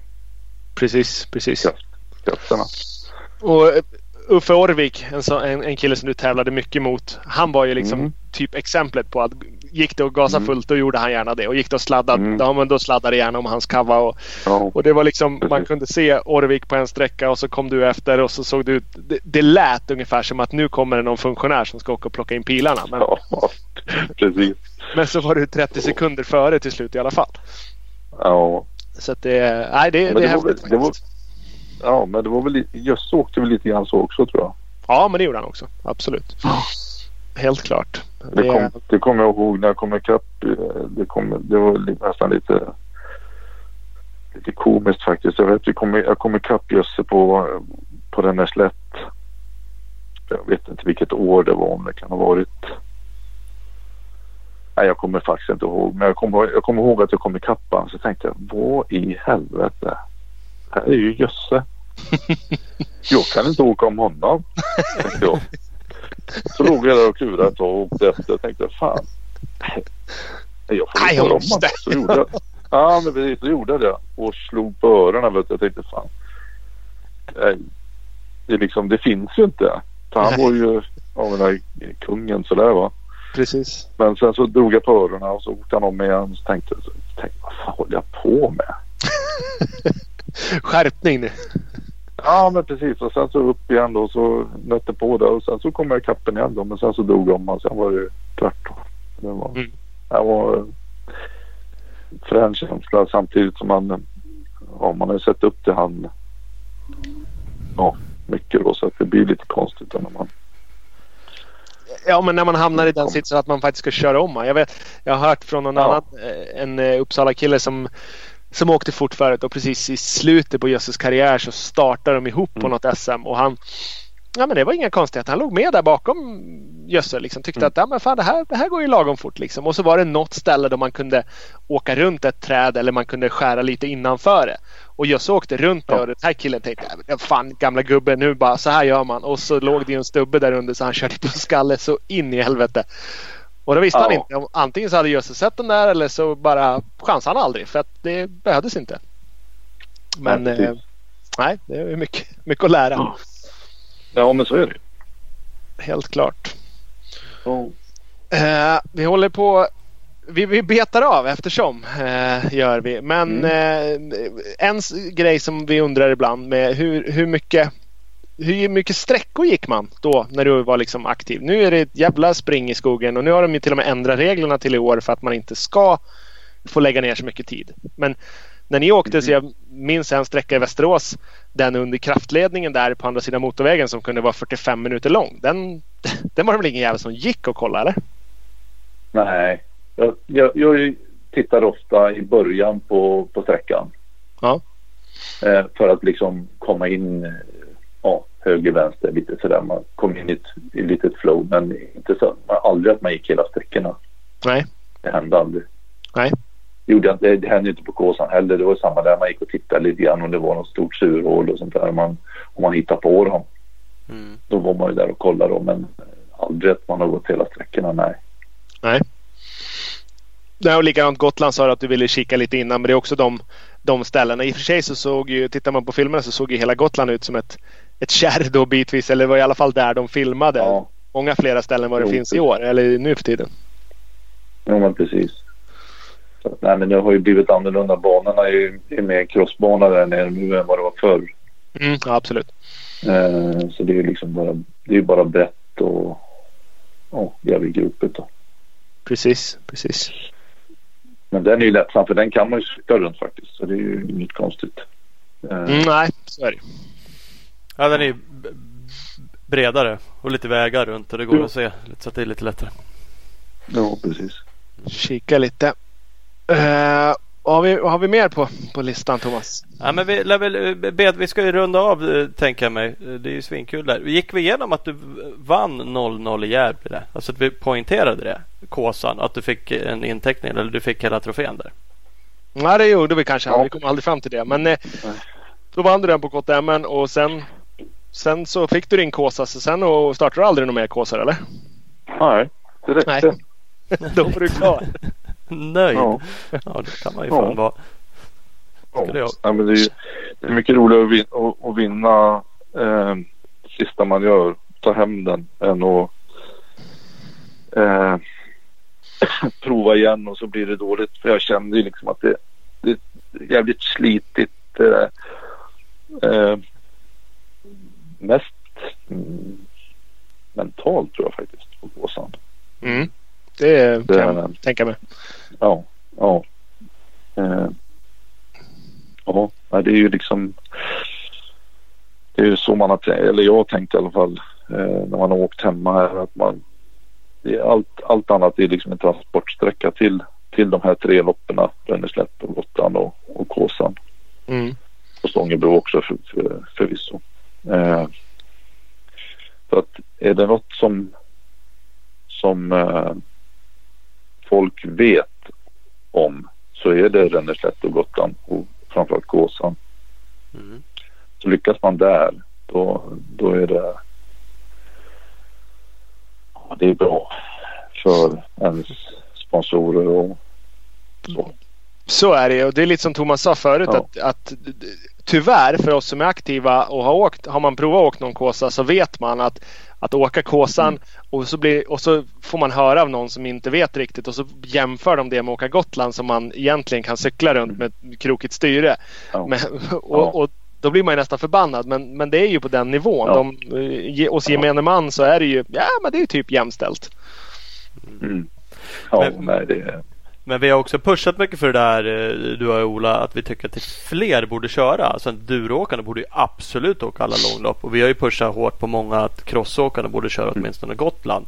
För, för det är inte fra- nu för tiden i alla fall. Det är ju ganska finåkt liksom. Eh, Ja, jag, Mm. klar man tar man sig runt ett cross-SM så kan man absolut prestera bra på ett Gotland utan att behöva tycka att det var pinsamt att åka där. Så är det ju verkligen. Ja, Mm. och just genomslaget. Alltså är det någonstans det filmas och visas. Och Filip Bengtsson, crossåkare, vann ju Mm. eh, förra året. Och Ja, han precis. har ju sagt också själv att shit, han fattar inte att det skulle bli sånt genomslag på det. Eh, Nej. och så, såklart kan trigga. Det är säkert ingen som kastar pengar över honom. Men det är mest troligt lättare i alla fall att prata sponsorer och visa vad man har gjort. Och folk bara, ah, just det Gotland. Men det såg jag inslag på Mm. tv liksom. Jo, att, precis. eh, Så är det. Och det. Har- Har du koll förresten på eh, sporten idag? Om man säger resultat, crossåkare, enduro, eh, åka så här. Vi fick en fråga av Adam Andersson. Det var nog du som fick den av honom Ola. Mm. Eh, han är ju duktig enduroåkare idag. Eh, Mm, mm. Jag har sett lite om han faktiskt. Jag, jag, tittar, jag, jag följer, jag har inga, inga race och köpt inget sånt och inga Alton MC och inget sånt följer. Det är mest eh, på sociala medier då som man tittar. Mm. Han frågar ju lite så här om du har- koll på enduro idag då, men vad, vad du tycker om utveckling av sporten och just där vi var inne lite på det att vi, vi var ledande på 80-90-talet men inte nu. Mm. Har du liksom, finns det någon analys på det där? Varför då? Varför inte nu? Och skillnader? Ehm,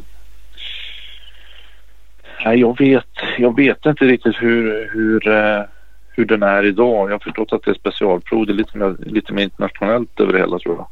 Mm. Eh, stämmer det eller? Ehm, Det är ju lite så. sen så kan, Ja. Eh, sen vet jag inte. Ska man åka ute så får man vara ute.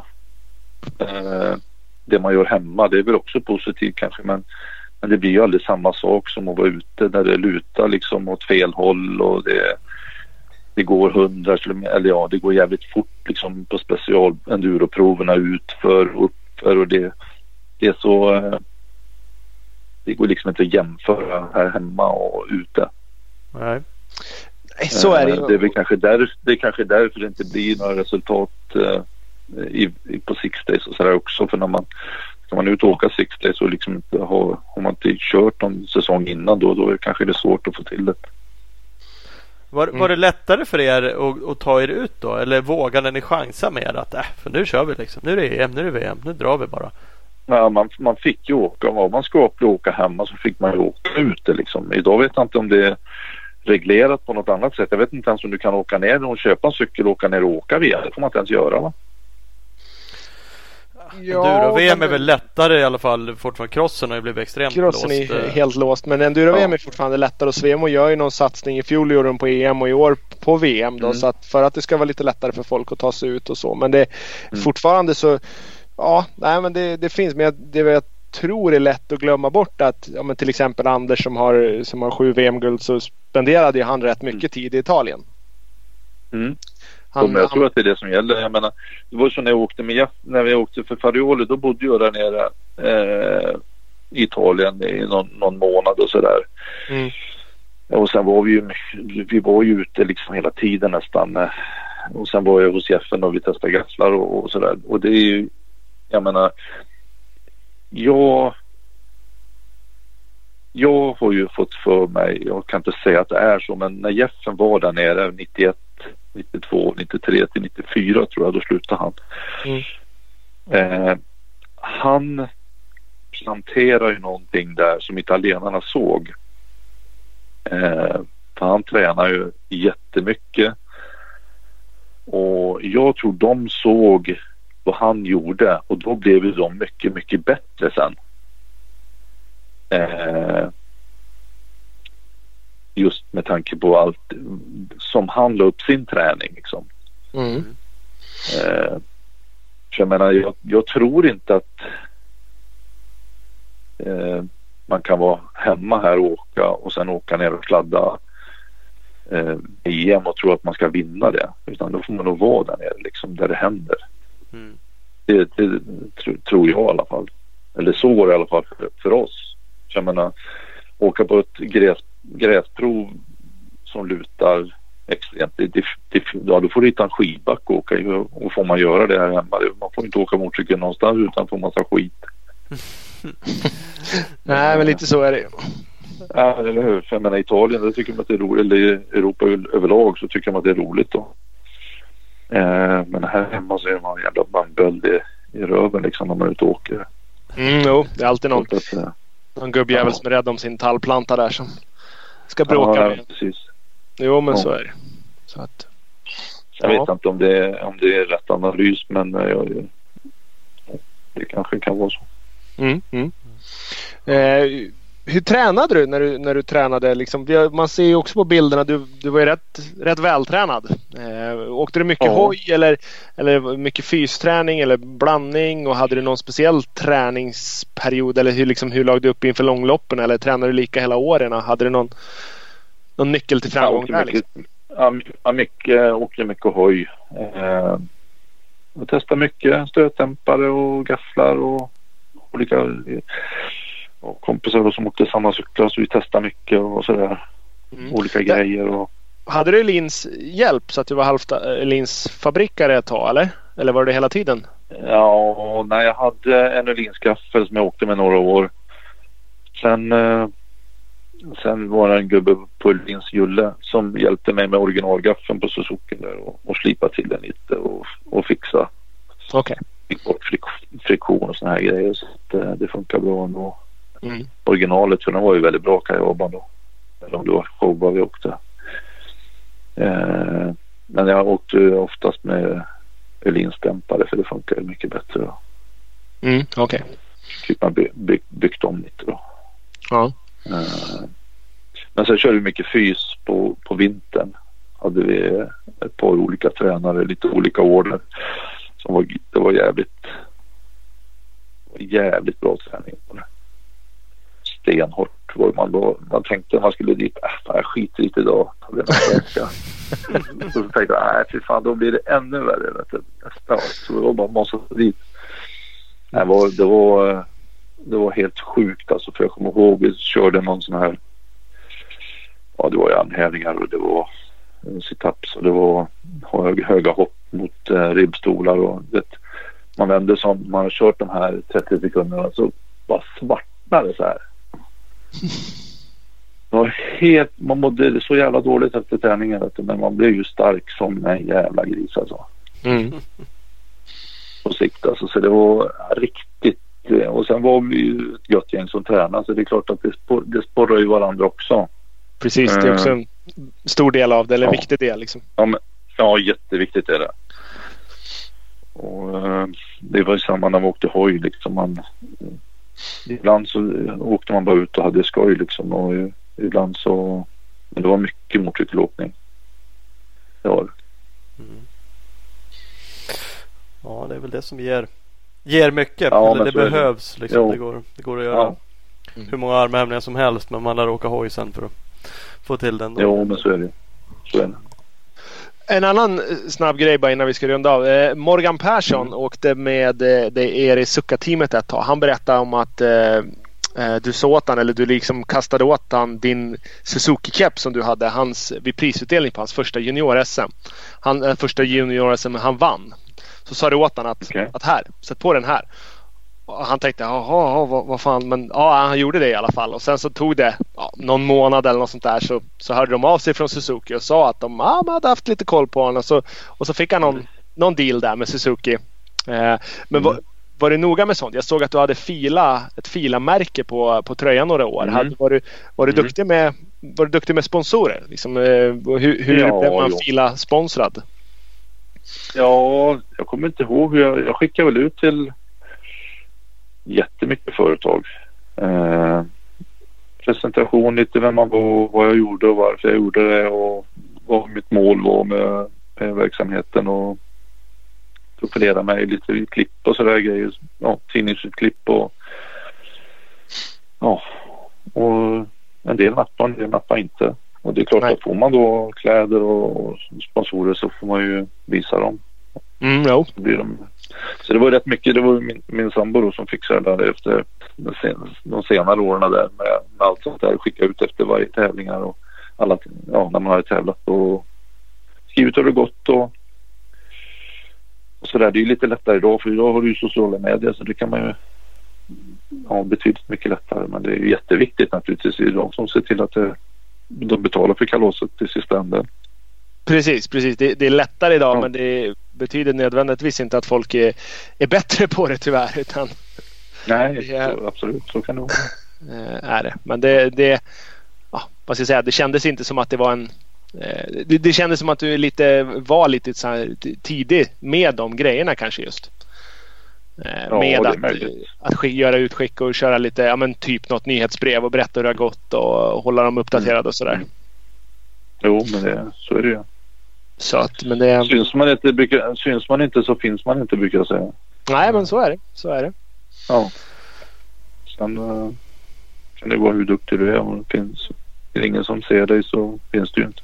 Nej, Nej, det ligger faktiskt så. Om man tar sociala medier bara sådär så kan man ju faktiskt idag vara mindre duktig och ändå få ut mer av det i pengar åtminstone. Om man är duktig. Så Jo. Det går ju att vrida och vända på det lite hur som helst. Kan man kombinera det där Ja. med att vara väldigt, väldigt duktig och bra duktig på att synas så Ja.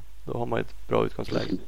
Ja, och Jo, förstå att, att, att sponsorerna inte bara hjälper en för, för nöjes skull utan de vill faktiskt ha tillbaka någonting av det också. Att man i grund och Mm. botten ska tjäna pengar åt dem. Det är ju det som är, som är målsättningen. Mm. Liksom. Och ju, ju tidigare man kan tänka sig eller få in det i huvudet desto lättare tror jag, tror jag det blir. Mm. Mo- Morgan kanske fick en suckadill där på grund av kepsen. Ja, det är också så att så. Ja, ja. ja det, var, det, är- en skön prick. Morgan Jag har lite kontakt med henne emellanåt faktiskt. Det är, det är goa gubbar. Peter Jansson och alla de här Uppsala-gubbarna. Det är ja, rolig tid. Mm. Jag förstår. Mm. Janne XR, han skrev till mig på Instagram. Det var tack vare dig som han köpte en RMX 250 98. Mm. Uppenbarligen Mm. så gjorde du någonting med marknadsföring där också då? Sålde, Jo, sålde- men det, så- ja, det gick ju svin. Det gick ju jättebra för Suzuki på den tiden. Det var synd att de, att de i Japan inte fattade att de hade lyckats med så bra grejer så att de liksom la ner, Mm. eh, la ner den där verksamheten. Eh, Vi tjatade på dem varenda år och de, eh, de fattar ju liksom inte Vad är det ni håller på med? Där? enduro. Nej, men liksom enduro och endurance eh, sa de och skrattade. Det är jätteroligt. Det, det var ju liksom två, två skilda grejer. Men det, ja, det var det är synd för det var ju väldigt bra, väldigt bra grejer. Det fanns otroligt mycket Suzuki på den tiden. Ja. Men det är ju egentligen någonting som inte har som japanerna knappt har fattat än idag. För att alla deras endurohojar som de kallar dem som de tar fram idag. Det är ju ja, det, det är liksom det är inte så stor satsning bakom dem. Skulle de vilja Nej. så har ju de muskler och ekonomi för att Ja, ja, utveckla en riktig endurohoj. ja men precis. Inte smälla på ett 18 tums däck och en stor tank och säga att för fan, det här är en, här är en endurobike, Nej. nu kör vi. Ja, men pre- precis. Jag menar kan Husqvarna KTM så borde ju de andra Så också kän- kunna. Känns det som att de andra också borde ha möjlighet till det faktiskt. Mm. Mm. Nu kommer det ju faktiskt rätt många andra märken. De här Beta eller vad heter det? Och, Beta, Kärko och sen ja, eh, ja, just det. Och sen Reiju köpte ju gasgas. Eh, KTM köpte ju gasgas Mm. namnet. Men Reiju köpte den modellen på hoj som de har haft och alla reservdelar. Så att eh, Mhm. Gasgas 300 som har funnits de sista åren kommer ju nu släppas i år som en, en Reiju Mm. istället. Så att det, det, det finns, lite, finns lite alternativ. Ja. Ja, ja. Så det. jag får väl damma av den här 250 minuter och smälla på någon dag. Mm, ja, ja, Ja. Faktiskt. Ut med lite filmklipp på sociala medier. Där har du den. Bakhjulsåkning Ja. på någon. det, exakt. Klart. Kan bara bli succé. Ja, ja. Ja, vi får se. Vi får se vad som händer. Ja, vi ska runda. Du ska få en sista. Om man, om man Ja. stick, sticker hem och gör en hedendalare. Vet du vad man gör då? Mm. Jajamän, det vet jag. Ja. Då, tvätt, då tvättar man motorcykeln ordentligt. Tar bort all, all plast, all, allting så det är bara ram och hjul kvar. Eller ja, du tar bort all plast. sadel, Ja. kylvingar, tank, sadel. Är det ett Alingsås-uttryck? Ja, det är nog Stefan Arvidsson som uh, myntade det första gången tror jag. Okej. Kan det vara Ska du, sådär? ska, du tvätta, ska du tvätta eller ska du göra en Hedendalare? Det var samma Roger Einerskog där som du hjälpte på Kåsan som sa att Ja, ja, i, i Alingsås MCK där, där vet man. Där vet man vad det är liksom.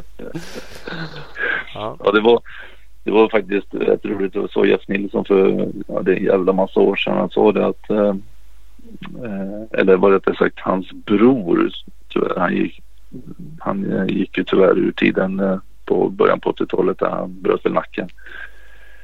Han hade väl sagt någon gång att, eh, att tvätta en motorcykel, det är ingenting man bara gör. Det tar tio år att lära sig. Ja, jo. Ligger nog hit. Ja, Ja. det, är skönt. Ja, nej, Då har, då har du lärt dig. Uppenbarligen har du, Ja. kan du det. Myntat ett uttryck där nere. Precis. Ja, det är väl roligt om man har lärt sig något. Eller de Ja. andra har lärt sig något.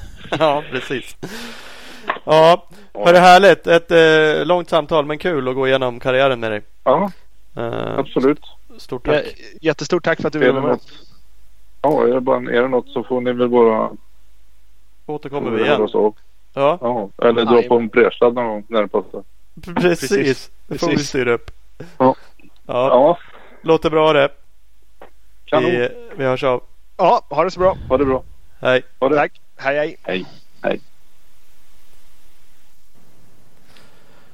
Ja visst är Ola. Jajamän. Där har vi det. Där kan man tillbringa en onsdag kväll. Ja, det, det kan man ju faktiskt göra. Det var ju fantastiskt. Ja, Intressant. kul. Mycket karriär kan man Jävligt ju... mycket karriär. Man har ju haft en lång och, och eh, händelserik karriär. Ja.